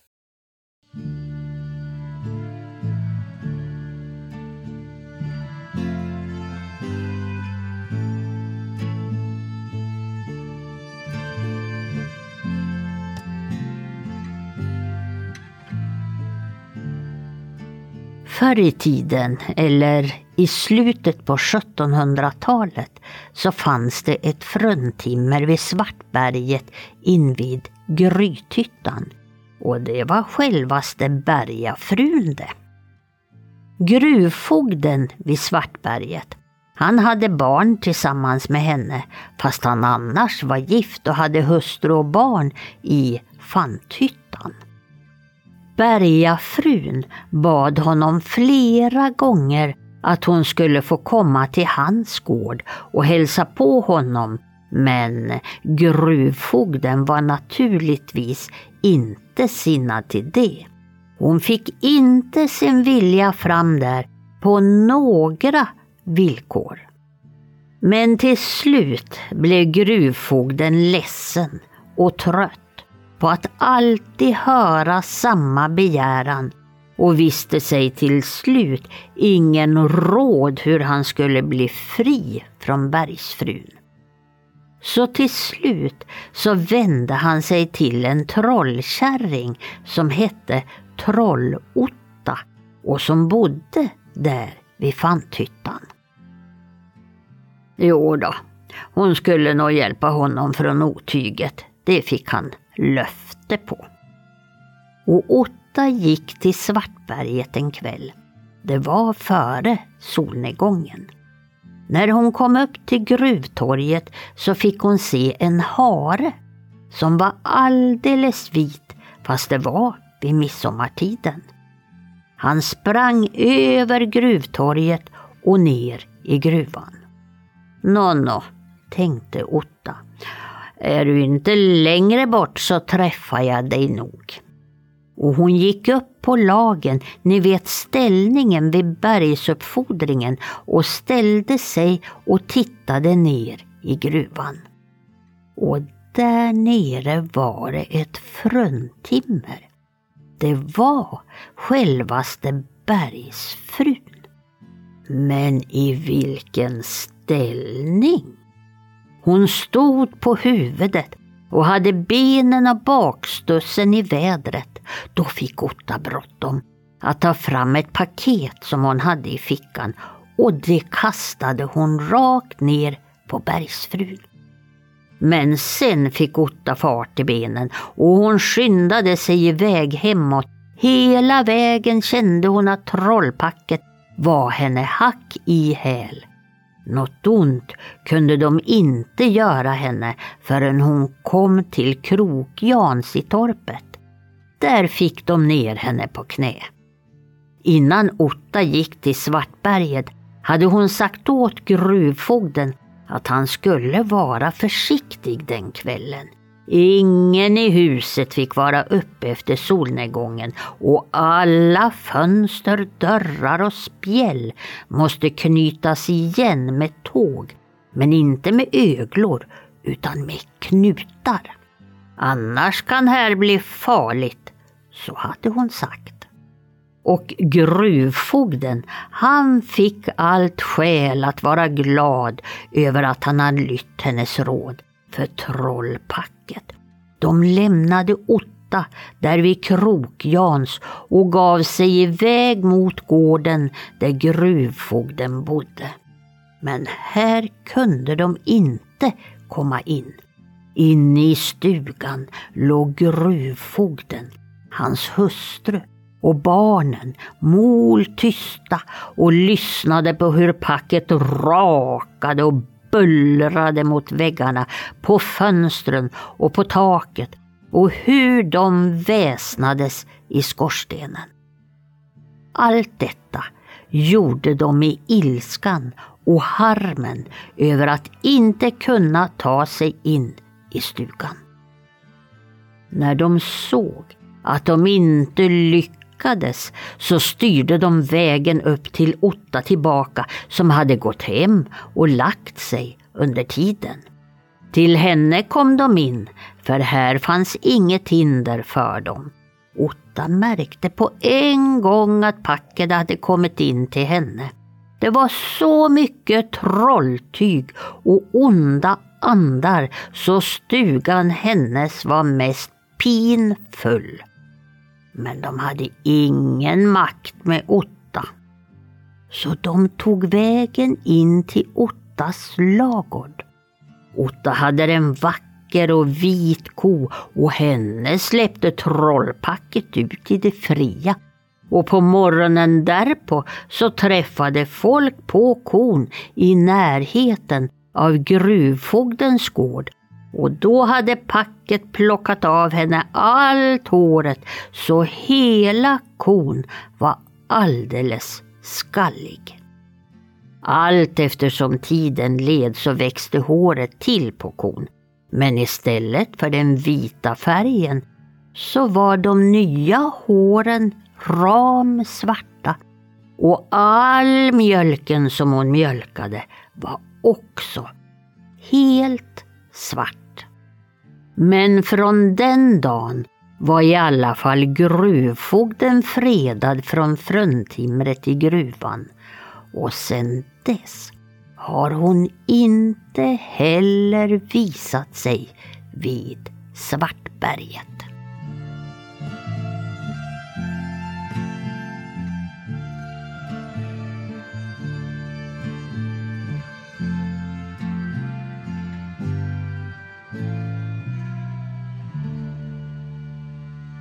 Och här hade vi ju en väldigt intressant berättelse om bergfrun i Svartberget i Västmanland. Mm. Och här hade vi ju den här gruvfogden då som eh, liksom hade lite relation med den här bergafrun. Eh, men han var ju gift och hade barn så att eh, det gick ju inte riktigt ihop här. Men det var ju som att det var ju inte bara en ensam gruvfru där nere, utan det var ju ett helt packe som började jaga den här Trollotta hela vägen hem jag kan säga för först och främst att den, är, den har jag hämtat ifrån sägner och händelser upptecknade i Västmanland av Erik Bore. Det, det är berättelser som kom ut 1934, men de är ju betydligt äldre än så. Och han har ju fler berättelser om Svartberget, om killingar och sånt där, där också. Och eh, det är ju lite grann en varning också att man inte ska bryta, inte gå för långt in och inte... Eh, man ska veta sin plats helt enkelt. Och, och, att ta hjälp av trolldomskunniga, som i det här fallet, är ju inte re att rekommendera. Alltså det är ju en form av girighet, för det går ju, det går ju helt enkelt åt skogen med, med, med att göra så.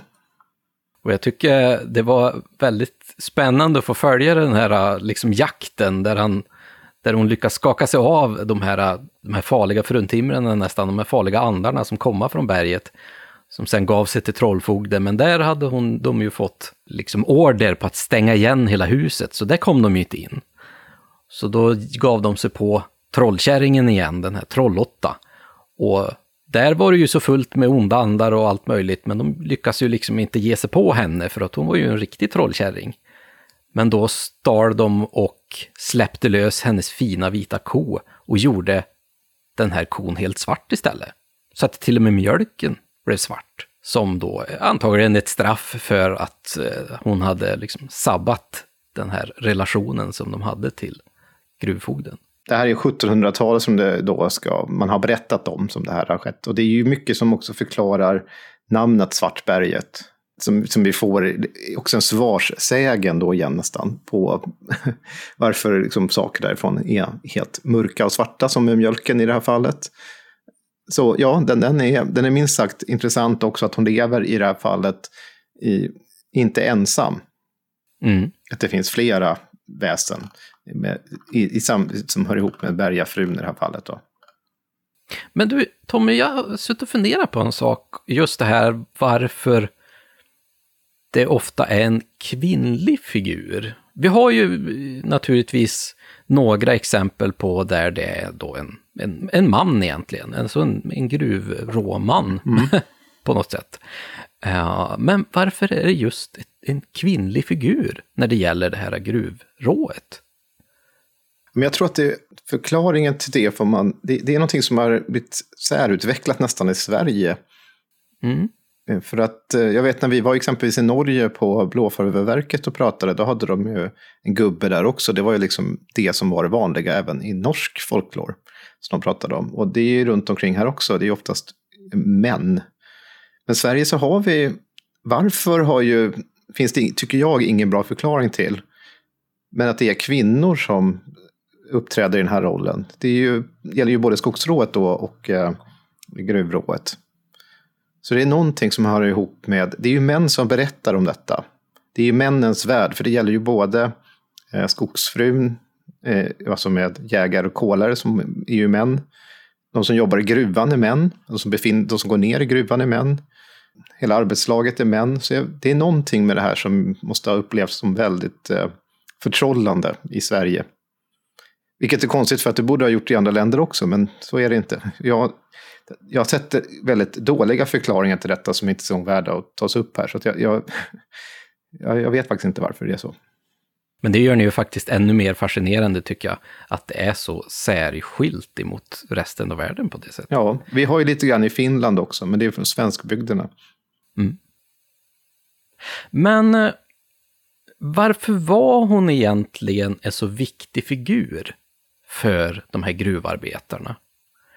Vi har ju hört här att hon kanske inte hade jättebra relationer till exempel med gruvfogdar och sådär.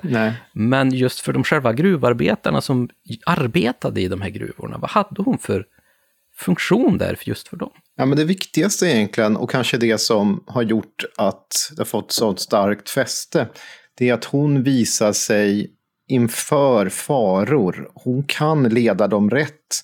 Alltså hon sätter gränser nere i gruv, gruvarbetet. Mm. Och det är väl det som, om man följer de här gränserna och man är noga iakttar olika ljud. Det här handlar ju om det minsta lilla avvikelse kan ju faktiskt innebära ett gruvras. Så att är man uppmärksam och allting som liksom på något sätt inte går till som, som det bör gå till kan ju vara ett tecken från henne, för hon är oftast osynlig. Hon syns ju inte det, hon hörs. Och kan man lyssna på det, och, då vet man att man ska undvika, man undviker fara genom att hela tiden ha berättandet om henne framför sig. Har vi några exempel på hur man ska bete sig när man möter gruvfrun, eller när man befinner sig i de här äh, miljöerna? För jag kan tänka mig att det finns en hel del rutiner och regler som man liksom måste följa som en gruvarbetare för att kanske ställa sig i, i god dager hos gruvfrun eller kanske tvärtom att det här får du inte göra för att då kommer det att gå åt helsike helt enkelt. Ja, det är en jättebra fråga. Uh, inför det här avsnittet nu när jag satt och funderade lite grann på det och gick igenom den litteraturen som jag har i mitt bibliotek hemma så hittade jag inga sådana här, för att jag ska försöka säga att om, om du besöker en gruva idag Mm. och går en guidad tur så kommer du få höra massa saker om vad man skulle göra för att man skulle varna gruvfrun, man ska knacka tre gånger och sånt där innan man går in i gruvan. Det låter väldigt rimligt, men jag har personligen inte sett det i uppteckningarna. Nej, just det. Alltså de som jag har nu här hemma.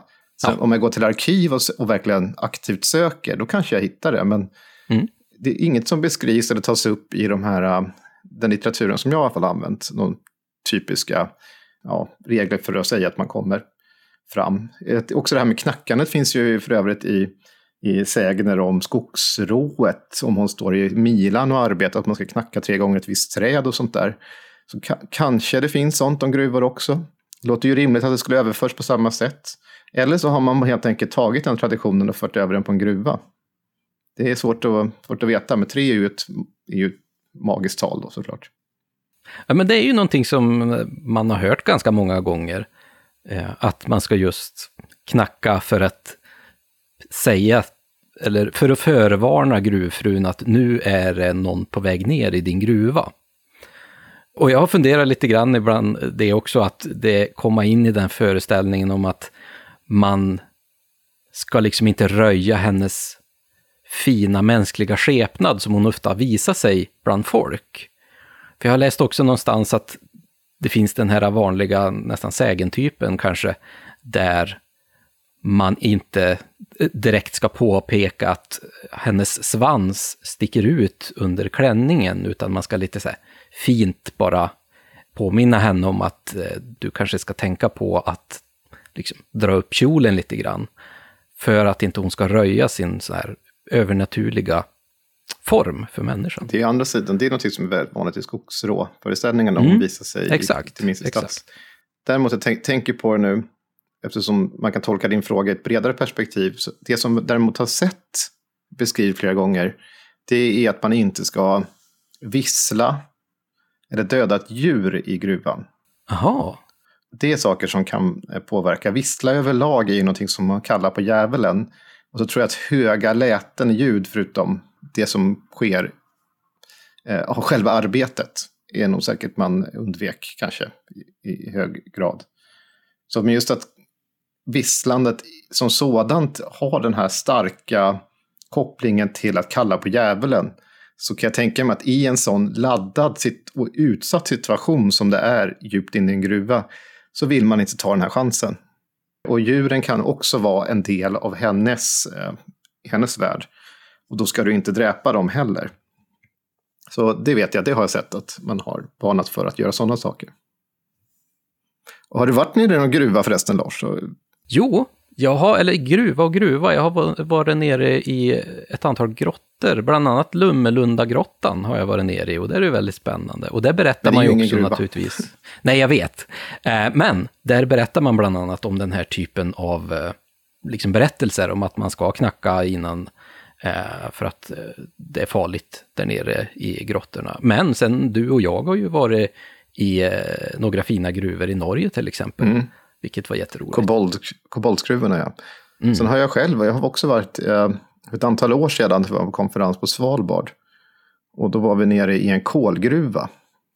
Så det var ju kallt Svalbard. Ja. Men också att det är väldigt mörkt. Och det, då gjorde man den här lekfulla saken att man släcker ner allt ljus man har med sig när man är långt nere. Och, och ja, vad mörkt det blir, alltså det är ju alltså det är becksvart. Det är så att man nästan kan ta på mörkret. Och så visar de såna här vissa saker man skulle ta sig igenom med små vagnar eller krypa igenom. Och det är, som, att- det är klaustrofobiskt bara. Men jag försökte ta, jag tog mig igenom en så där man skulle krypa. Eh, det fanns ju ännu trängre gångar. Men jag tänker mig under den tiden och det arbetet och allt som fanns då. Och ännu längre in och ännu djupare i de här gruvorna. Fruktansvärt. Och de berättade också om hur många som faktiskt dog i samband med det här arbetet. Eller fick sjukdomar på grund av att de jobbade i det här liksom, stoftet och allting där nere hela tiden. Jag vet inte om vi, vi kanske pratade om det också i det här avsnittet vi hade från Blåfareverket också.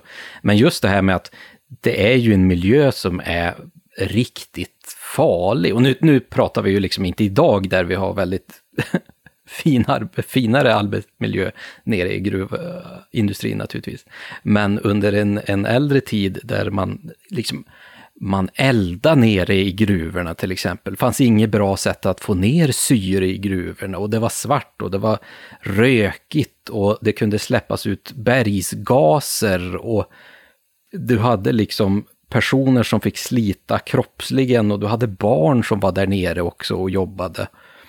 Och, och hästar, alltså när det inte kom för långt ner, men det hade ju också, de, med kranar tog man ju ner en del djur och de kom ju aldrig upp igen. Så att det var, de skulle dra saker ner en viss tid. Ja, det var, nej, det, det, arbetsförhållandena i gruvorna, det, det kan man förstå ett elände. Jag har ju själv släktingar som har dött i gruvor. Så.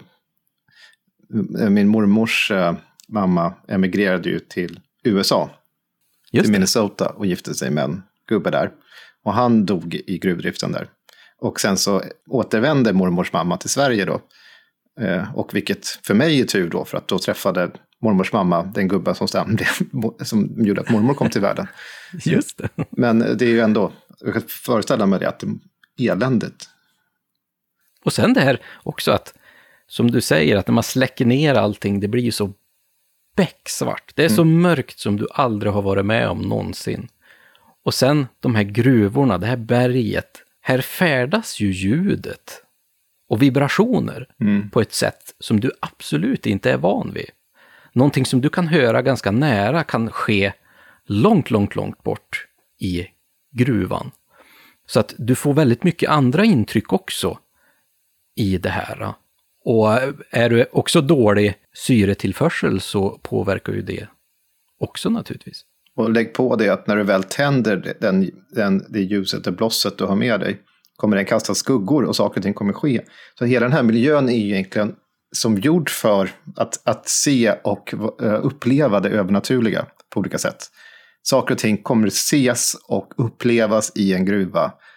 Precis som en djup skog eller någonting under äldre tid. Alltså det är platser där det är så lätt att se eller erfara att man på något sätt eh, är med om någonting som sticker, som inte är känns naturligt.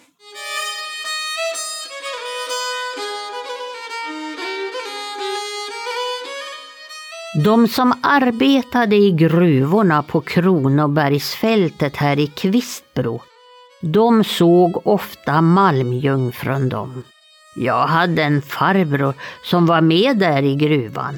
När han en dag med ljus i handen steg upp ur gruvan så såg han en annan hand som sträckte sig mot ljuset och ville strypa det.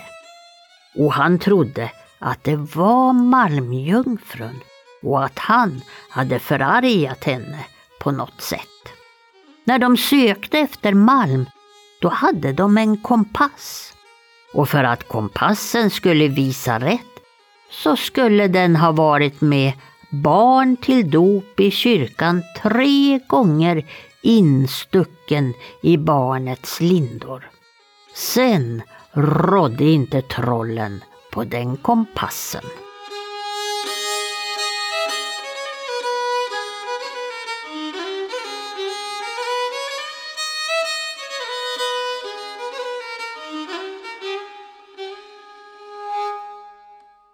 Här fick vi ju i alla fall ett litet tips på hur man skulle liksom guida sig runt i de här gruvorna, för då använder man sig då uppenbarligen av en kompass. Men det är ju så att den här kompassen måste ju få vara med i minst tre stycken dop i kyrkan. För att inte trollen skulle kunna ge sig på den här kompassen och liksom leda dem fel då. Här får vi in en berättelse där kyrkans makt, den kristna tron, har en nästan magisk makt över de här väsenen. Men det är som det brukar vara. Vi brukar säga att kyrkan är ju det man har som sitt största skydd mot övernaturliga väsen. Eh, och kyrkan vill ju gärna att man ska tänka så också. Så att man har någonting som är kompass här, att den ska ha varit med tre gånger vid dop i kyrkan och att den ska smugglas in i barnets linda, också det här trolldoms, nästan tänket på att smuggla in den så att inte prästen riktigt vet om det. Nej, då, då har den en extra kraft. Mm. Men den här troll får man väl se här från den här, det är ju, det är från Närke, den här berättelsen då. Då får man nästan tänka sig att eh, troll här används lite i en bred bemärkelse, alltså som övernaturliga väsen överlag. För att vad det först och främst berättas om, av den här skogsvaktaren som är född 1873 då, eh, det är ju om Malmjungfrun. Och en person som då upplever, hans farbror till och med, hur en hand sträcker sig mot ljuset och vill strypa det. Och han trodde då att han på något sätt hade förargat eh, Malmjungfrun.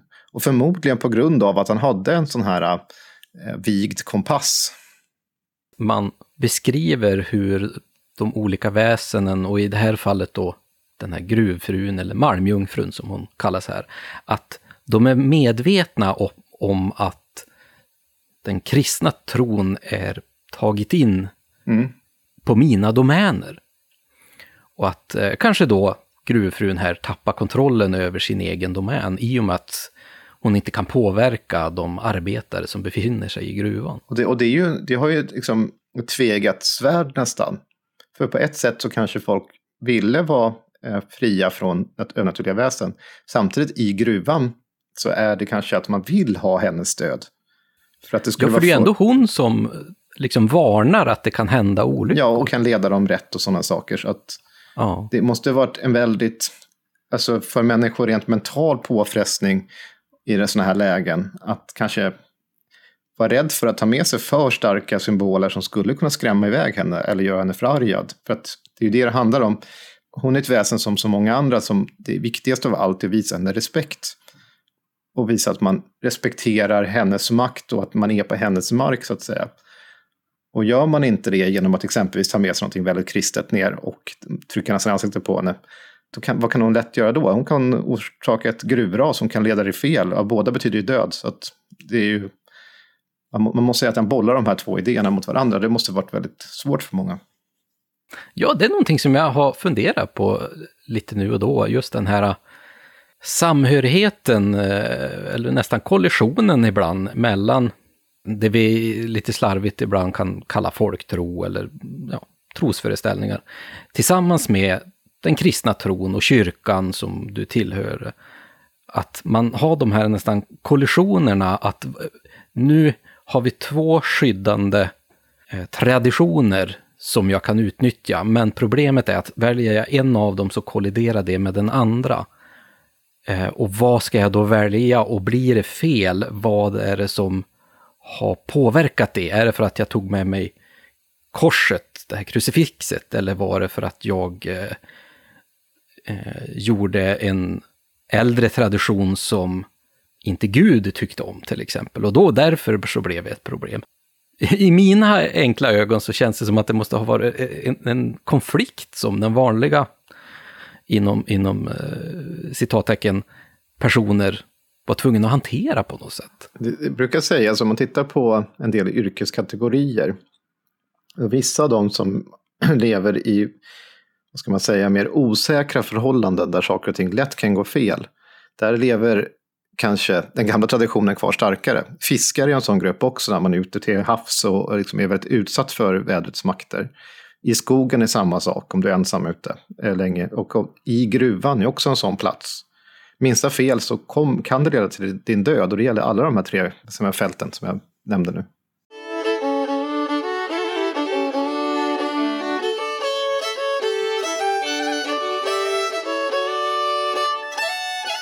Det var tre bergafruar som var systrar.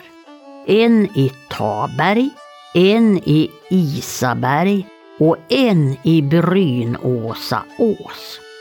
De sprängde i Taberg och skulle göra en väg, men då kom bergfrun ut och sa att de inte skulle spränga något mera, för då förstörde de sängstammen hennes. Min syster Isaberg, hon är rik hon, men systra i Åsaberg, hon är fattig. Så sa hon, bergsfrun i Taberg. Ja, här hade vi en berättelse om tre stycken bergafruar som var systrar ifrån eh, Småland, i norra Unnaryd. Och här höll de ju på att börja spränga i hennes berg, för de ville väl åt då de här fyndigheterna, men de förstörde ju hennes säng. Eh, hela hennes bohag började ju att falla isär. Så Ja. Och det är klart, då blir man ganska förbannad kan jag tänka mig som, som rådar över sitt eget berg. Och här finns det oftast två utgångar, för det här är en sägen-typ som Just den här hämtades från Bengt A. Klintbergs Svenska folksägner. Då. Mm. Men i, om man tittar på The Types of the Swedish Folk Legend av samma Bengt A. Klintberg, då ser man att den här är en sägentyp som finns i, i Sörmland, Västergötland, Dalsland, Närke, Värmland, Västmanland och i Dalarna. Och, och då kan den ha olika utgångar. Antingen kan man sluta, alltså om, det, om man Med gruvdriften då, spränga sig längre och längre in om man, om man, antingen kan man sluta med det, men om man inte gör det så brukar en utgång bli att eh, gruvan kollapsar. Alltså man, slu, man, man struntar i den här varningen som kommer. För det är det det handlar om här. Och, då är det ju, och det är ju i alla de här så att man har nått hennes sängstam, alltså man har kommit så långt in i gruvan så att man är i hennes sovrum nästan. Och även här då får vi höra att de här systrarna har lite olika, ja, vad ska man säga, välstånd kan man säga att eh, hon är Isaberg, hon är ju väldigt rik. Men eh, systern i Åsaberg, hon är fattig. Så att eh, hon hade lite sämre då. Mm. Ja, det är ju bättre att de skulle gå till någon av de rik, till den rika istället. Ja, exakt.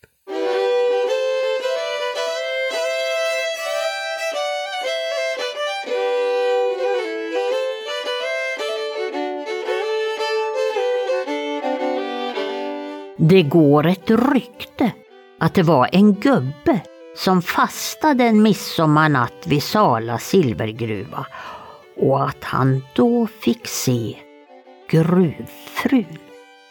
Hon var alldeles utfattig och alldeles förfärligt slarvig och trasig och hon sa Ni må då spara min sängkammare åtminstone. Ni må söka er till fru Lura i Lurbergsåsen. Hon är två, tre gånger rikare än vad jag är.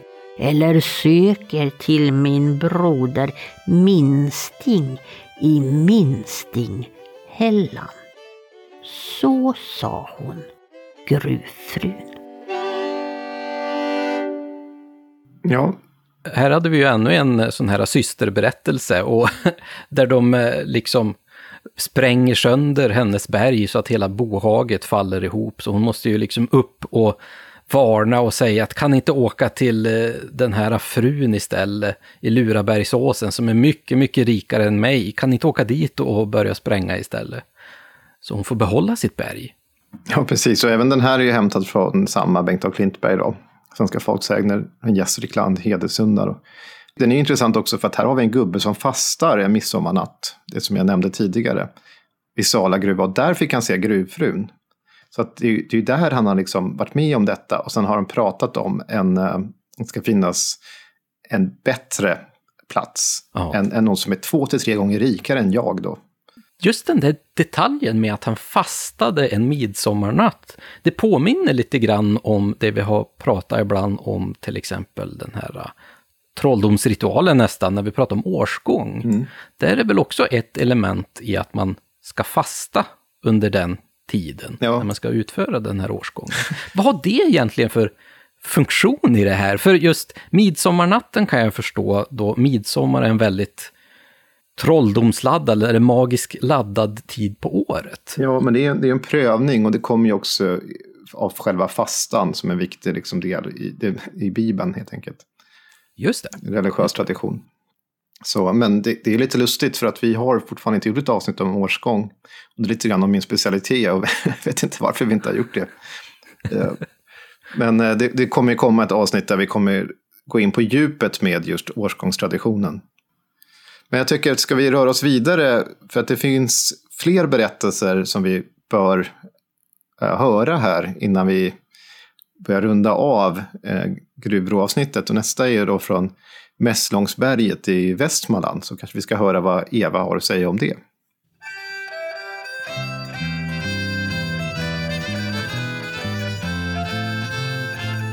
Det var gamle August Nils och han var kanske något år äldre än vad jag är. Och han var huggare, så han var i skogen jämt. Men eh, det här hände när han var vid Mässlångberget och högg. Då såg han en trollkärring, en riktigt ful en, sa han. Och hon gick rakt in i Mässlångberget och sen kom hon ut igen med en väldig fart. Det skrek i berget ettera. Gå till min syster i Sala. Hon har mera silver att låna ut än vad jag har.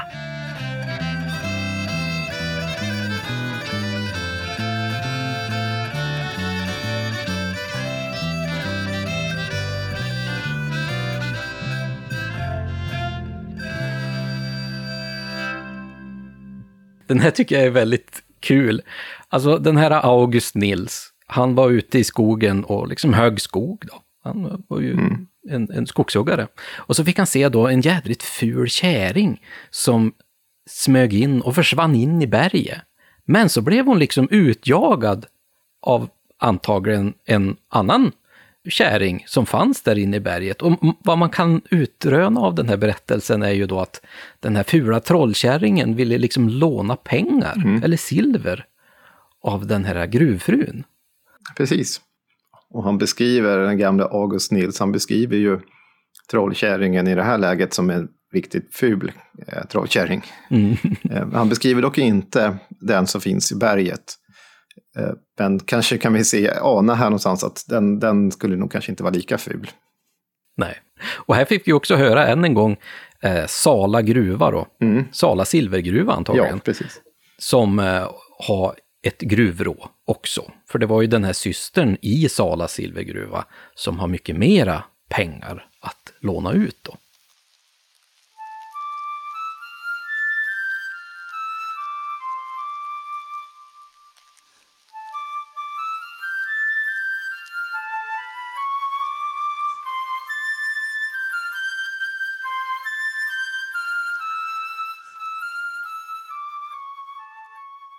Men du Tommy, det är ju så här att vi försöker ju alltid att, jag vet inte, ibland försöker vi att bara klämma in det här lilla segmentet som vi brukar kalla, ja, väsenet i populärkulturen kanske man kan kalla det. Just det här med att prata om det här specifika ämnet i en lite mer modernare tid kanske.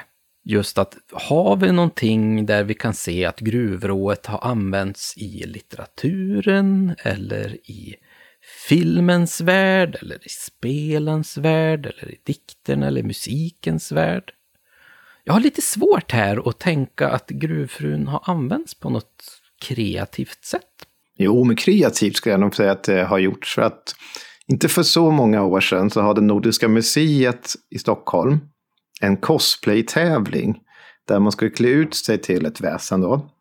Eh, fantasifullt. Och eh, jag vill minnas att vinnaren var en som klädde sig som sin tolkning av gruvrået. Ja, det har du ju helt rätt. Helt rätt. Och eh, gruvrået har ju liksom levt kvar. Inte, och så finns den ju, den kommer ju i sådana här översiktsböcker. Jag menar, Ebbe Schön har ju skrivit om gruvrået. Vi har de här nya av Ingela Korsell, Väsenologi. Där finns det också en tolkning av gruvrået som också är tecknad av Reine Rosenberg. Mm. Och sen så har ju såklart Johan Egerkrans har ju också gjort sin tolkning av eh, gruvrået i Nordiska väsen. Men utöver det så, jag menar, Selma Lagerlöf har ju skrivit det som jag läste tidigare. Och mig veteligen så finns det ingen, jag vet, jag känner inte till några serier eller böcker eller en spel som där gruvrået förekommer. Det gör det säkert. Jag skulle tro att om man går till barnböcker, barnlitteratur, så är jag nästan säker på att då finns nog gruvrået kvar. Och anledningen till det eh, är ju för att gruvrået fortsätter så att säga fascinera oss just via en del gruvors eh, turism. Gruvturism kan man säga. Mm. För där återberättas hela tiden berättelser om, om gruvrået. Jag tror att man lägger till ganska mycket saker som egentligen inte är taget från en tradition, äldre tradition om gruvrået. Men som blir goda berättelser i vilket fall. Och det där förs vidare så att ta de här stora gruvorna som hela tiden har massa besökare som kommer ner i dem. De hörs, de matas i de här berättelserna hela tiden. Om man lämnat gruvorna så minns man det. Och det är en väldigt speciell plats. Så lite grann så tror jag att gruvrået har levt vidare. Men det är ju ändå väldigt kul. Vi brukar ju prata ibland om att man kanske förgulliga olika väsen och så här. Men det är ändå ett bra sätt att kunna få de här väsenen, de här traditionerna och leva kvar ändå inom en form av berättarkultur, till exempel inom turismen då, eller inom guidning runt platser som har väldigt kulturell signifikans. Liksom. Mm, och jag tror också att det som gör att vi tycker om gruvrået, om man nu får värdera det på det sättet, men det är ju också att gruvrået känns förhållandevis ofarlig. Det känns som en positiv kraft. Det är någonting som folk känner, okej, okay, hon, hon, hon ställer ordning i en ganska kaotisk tillvaro. Hon, hon, hon är mer sladdad med någonting bra, positivt, nästan, nästan som en snällare kraft bland folktronsväsen. Och jag tror lite grann det som lockar en del också. Eh, det är inte, det är inte ett, ett, ett, troll eller en mara eller Näcken som ju faktiskt har helt andra funktioner i, i folkloren. Nej, men och just det här med att hon är ändå lite grann som tomten. Hon är egentligen ett beräkneligt väsen. Du kan faktiskt få väldigt bra gunst hos den här gruvfrun. I och med att följer du hennes regler så kommer det att gå bra. Eh, när vi till exempel pratar om då trollen eller skogsrået eller näcken eller liknande så är de väldigt oberäkneliga. Det kan hända lite vad som helst. Eh, för att du inte riktigt är säker på deras regler. Men det är väldigt tydliga regler när det gäller då gruvrået, att gör du de här sakerna i gruvan så kommer hon att acceptera att du är där och hämtar de rikedomar som finns nere i jorden. Ja, ja precis. Och det ökar ju dina chanser i alla fall att du ska klara dig om du, om du åtminstone eh, är, är ordningsam och följer de föreskrifter och regler som finns i gruvan. Så, så enkelt egentligen är det, precis som med tomten, att om du är ordningsam, följer de reglerna och liksom sköter dig, då kommer du förmodligen bidra till att gården kommer få det bättre. Och jag tänkte någonting här när vi var inne på lite turism och guidning och just den här äh, berättartraditionen som vi har kring många av våra gruvor idag. Att jag vet att vi har jättemånga som lyssnar på oss som jobbar inom museiverksamheter och bland annat som guider, både inom museer men även kring de olika gruvorna vi har runt här i, i landet. Det skulle vara jättespännande att få höra, vad berättar ni för de besökande som kommer till era gruvor? Har ni några egna berättelser som ni ofta brukar berätta kring gruvan som har kanske med gruvrået att göra? Vad ska man göra innan man kommer ner i gruvan? Hur ska man bete sig för att skydda sig från den här gruvfrun och verkligen få skydd ifrån henne egentligen, så att man inte gör fel. Men även de lokala berättelser som finns kring era gruvor. Det skulle vara jätteroligt att få höra. Och ni kan nå ut till oss på våra sociala medier, där vi heter Oknytt Sverige, både på Instagram och Facebook. Men så kan ni gärna få jättegärna skicka in berättelser till oss på info.oknytt.com. Men vad säger du Tommy, ska vi ta en allra sista berättelse här innan vi gör en, en, eh, en hopslagning här på slutet. Ja, och då tänkte jag att då, då är det ju kanske lämpligt att vi återgår till eh, området som du och Eva kommer ifrån, till Ångermanland. Ja, ja men vad kul, ifrån Arnundsjö. Det ska bli spännande att höra.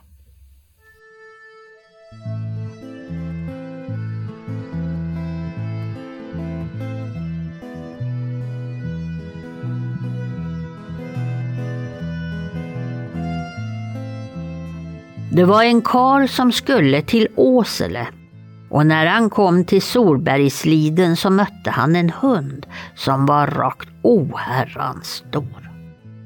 Karn, han blev alldeles förskräckt och då såg han ett fruntimmer lite längre fram på vägen så han slog på hästen för att hinna upp hon och slippa vara ensam. Han bjöd henne att åka och hon satte sig upp.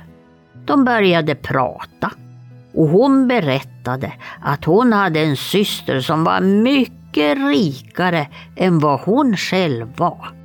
Och det var gruvfrun i Falun. Och när de hade kommit mitt för ett berg som kallas för Gruvberget, Då sa hon att hon bodde där och så försvann hon. Det har nog varit de som har försökt att hitta gruvan där i berget. Bland annat en släkting till mig. Men det har aldrig lyckats nå vidare för någon av dem.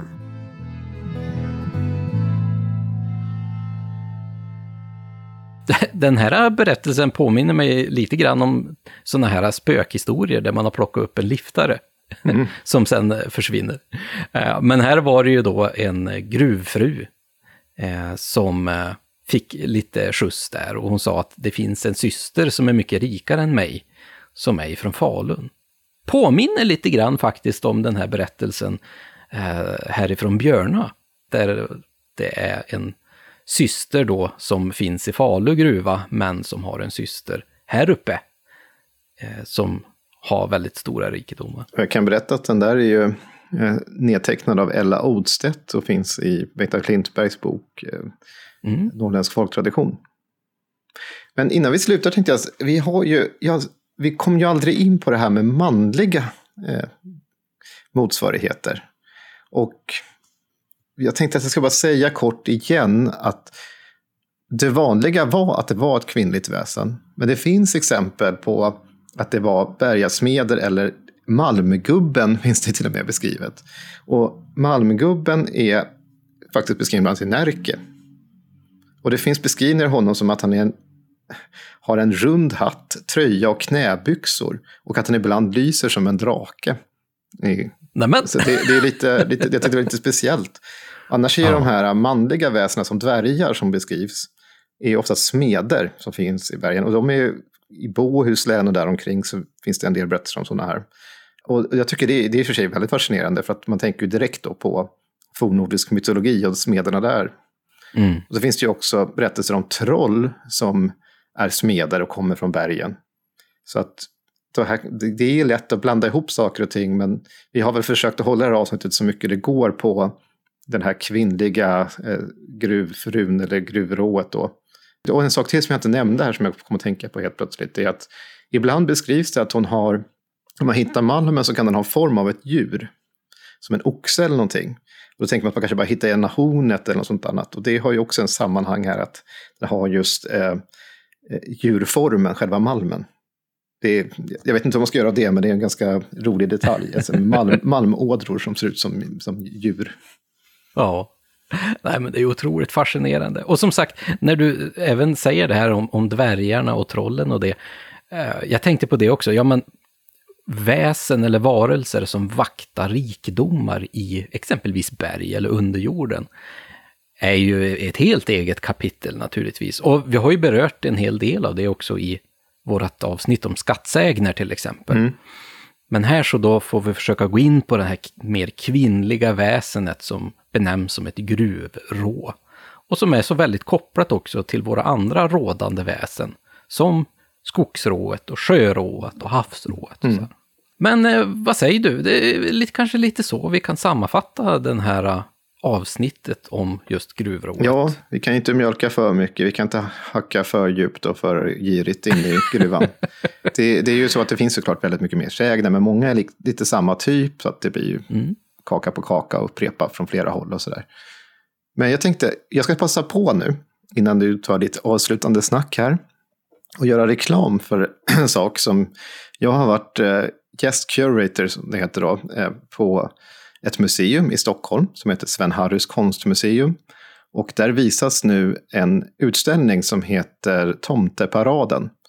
Och i den här utställningen så har jag fått möjlighet att välja ut konstverk och annat. Så att på ett par våningsplan faktiskt, så kan man följa tomten, hur, hur allting blev jultomten. Så att vi är, gårdstomten har ett stort eget rum. Där att Arne Högsander, en legendarisk dockmakare, har gjort en speciell figur bara för den här.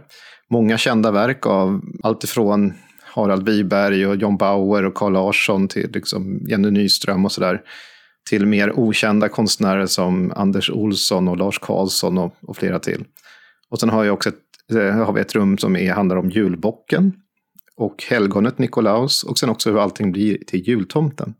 Så att Sven Harrys konstmuseum i Stockholm, den håller på till 14 januari. Mm. Äh, det kan vi absolut rekommendera. Och det, är så, det blir så väldigt aktuellt nu också när vi börjar närma oss jultiden också, när tomten blir... Det är ju liksom... Ska man ta ett väsen i december och välja som passar in där, så då är det ju verkligen tomten. Oavsett om det är då den här jultomten som har kommit i väldigt modern tid, men just den här gårdstomten då, så vi känner igen mycket från Jenny Nyström. Och jag har ju varit på den här utställningen och den är jätterolig att titta på. Alltså det är så många, det är både kända verk som du säger, och även verk som man aldrig har sett förut, vilket är jättekul att se. Ja, det var ett detektivarbete. att få fram allt. Ja, ni har gjort sånt otroligt fint jobb. Så det kan jag absolut rekommendera om ni har vägarna förbi där.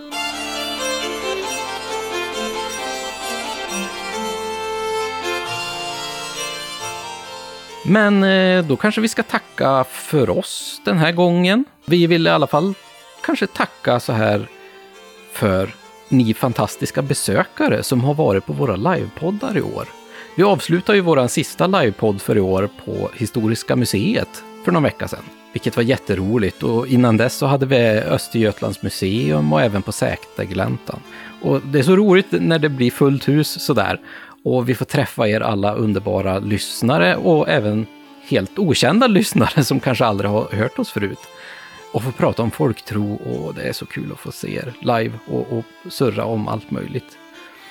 Och även såklart tack till både Sätergläntan och Östergötlands museum och Historiska museet naturligtvis, som har bjudit in oss. Får jag säga en sak där, utom att säga någon namn.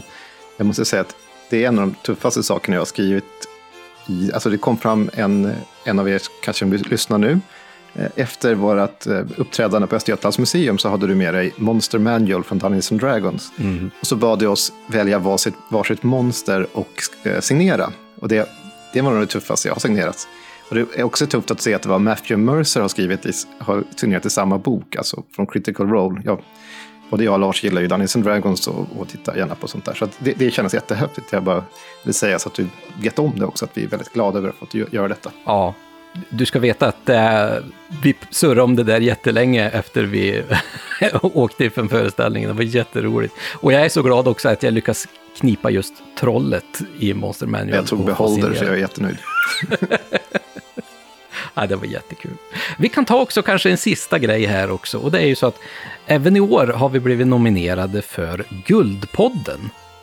Och där har vi då blivit nominerade för kategorin Årets kulturpodd. Och det vore jätteroligt om, ja, vi kanske vann det i år. Vi får se.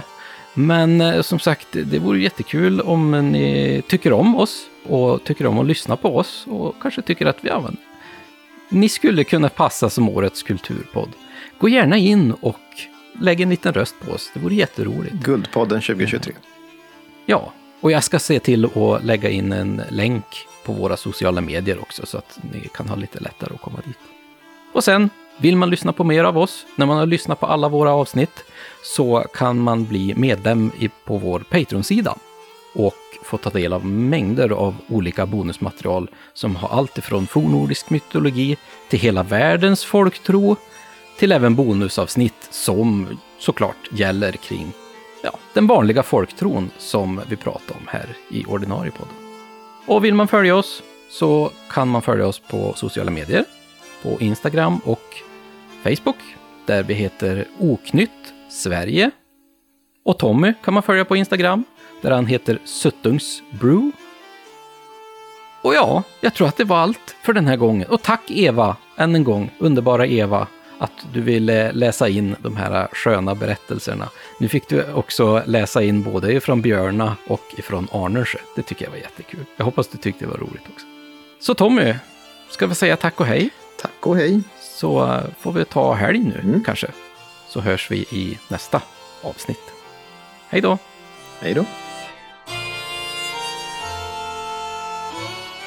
Podden är producerad av Oknytt, Nordisk folktro och mytologi och intromusiken är komponerad av Mark Jungerman.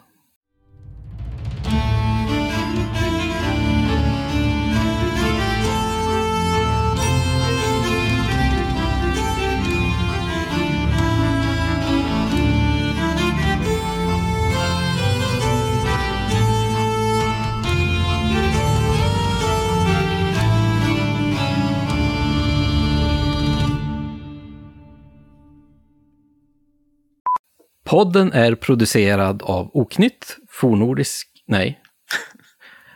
Jag kan, jag, det är så sällan jag säger det här. Podden är... Dessutom är det så här, jag har ju talfel så då blir det ännu värre när jag ska prata om sådana grejer.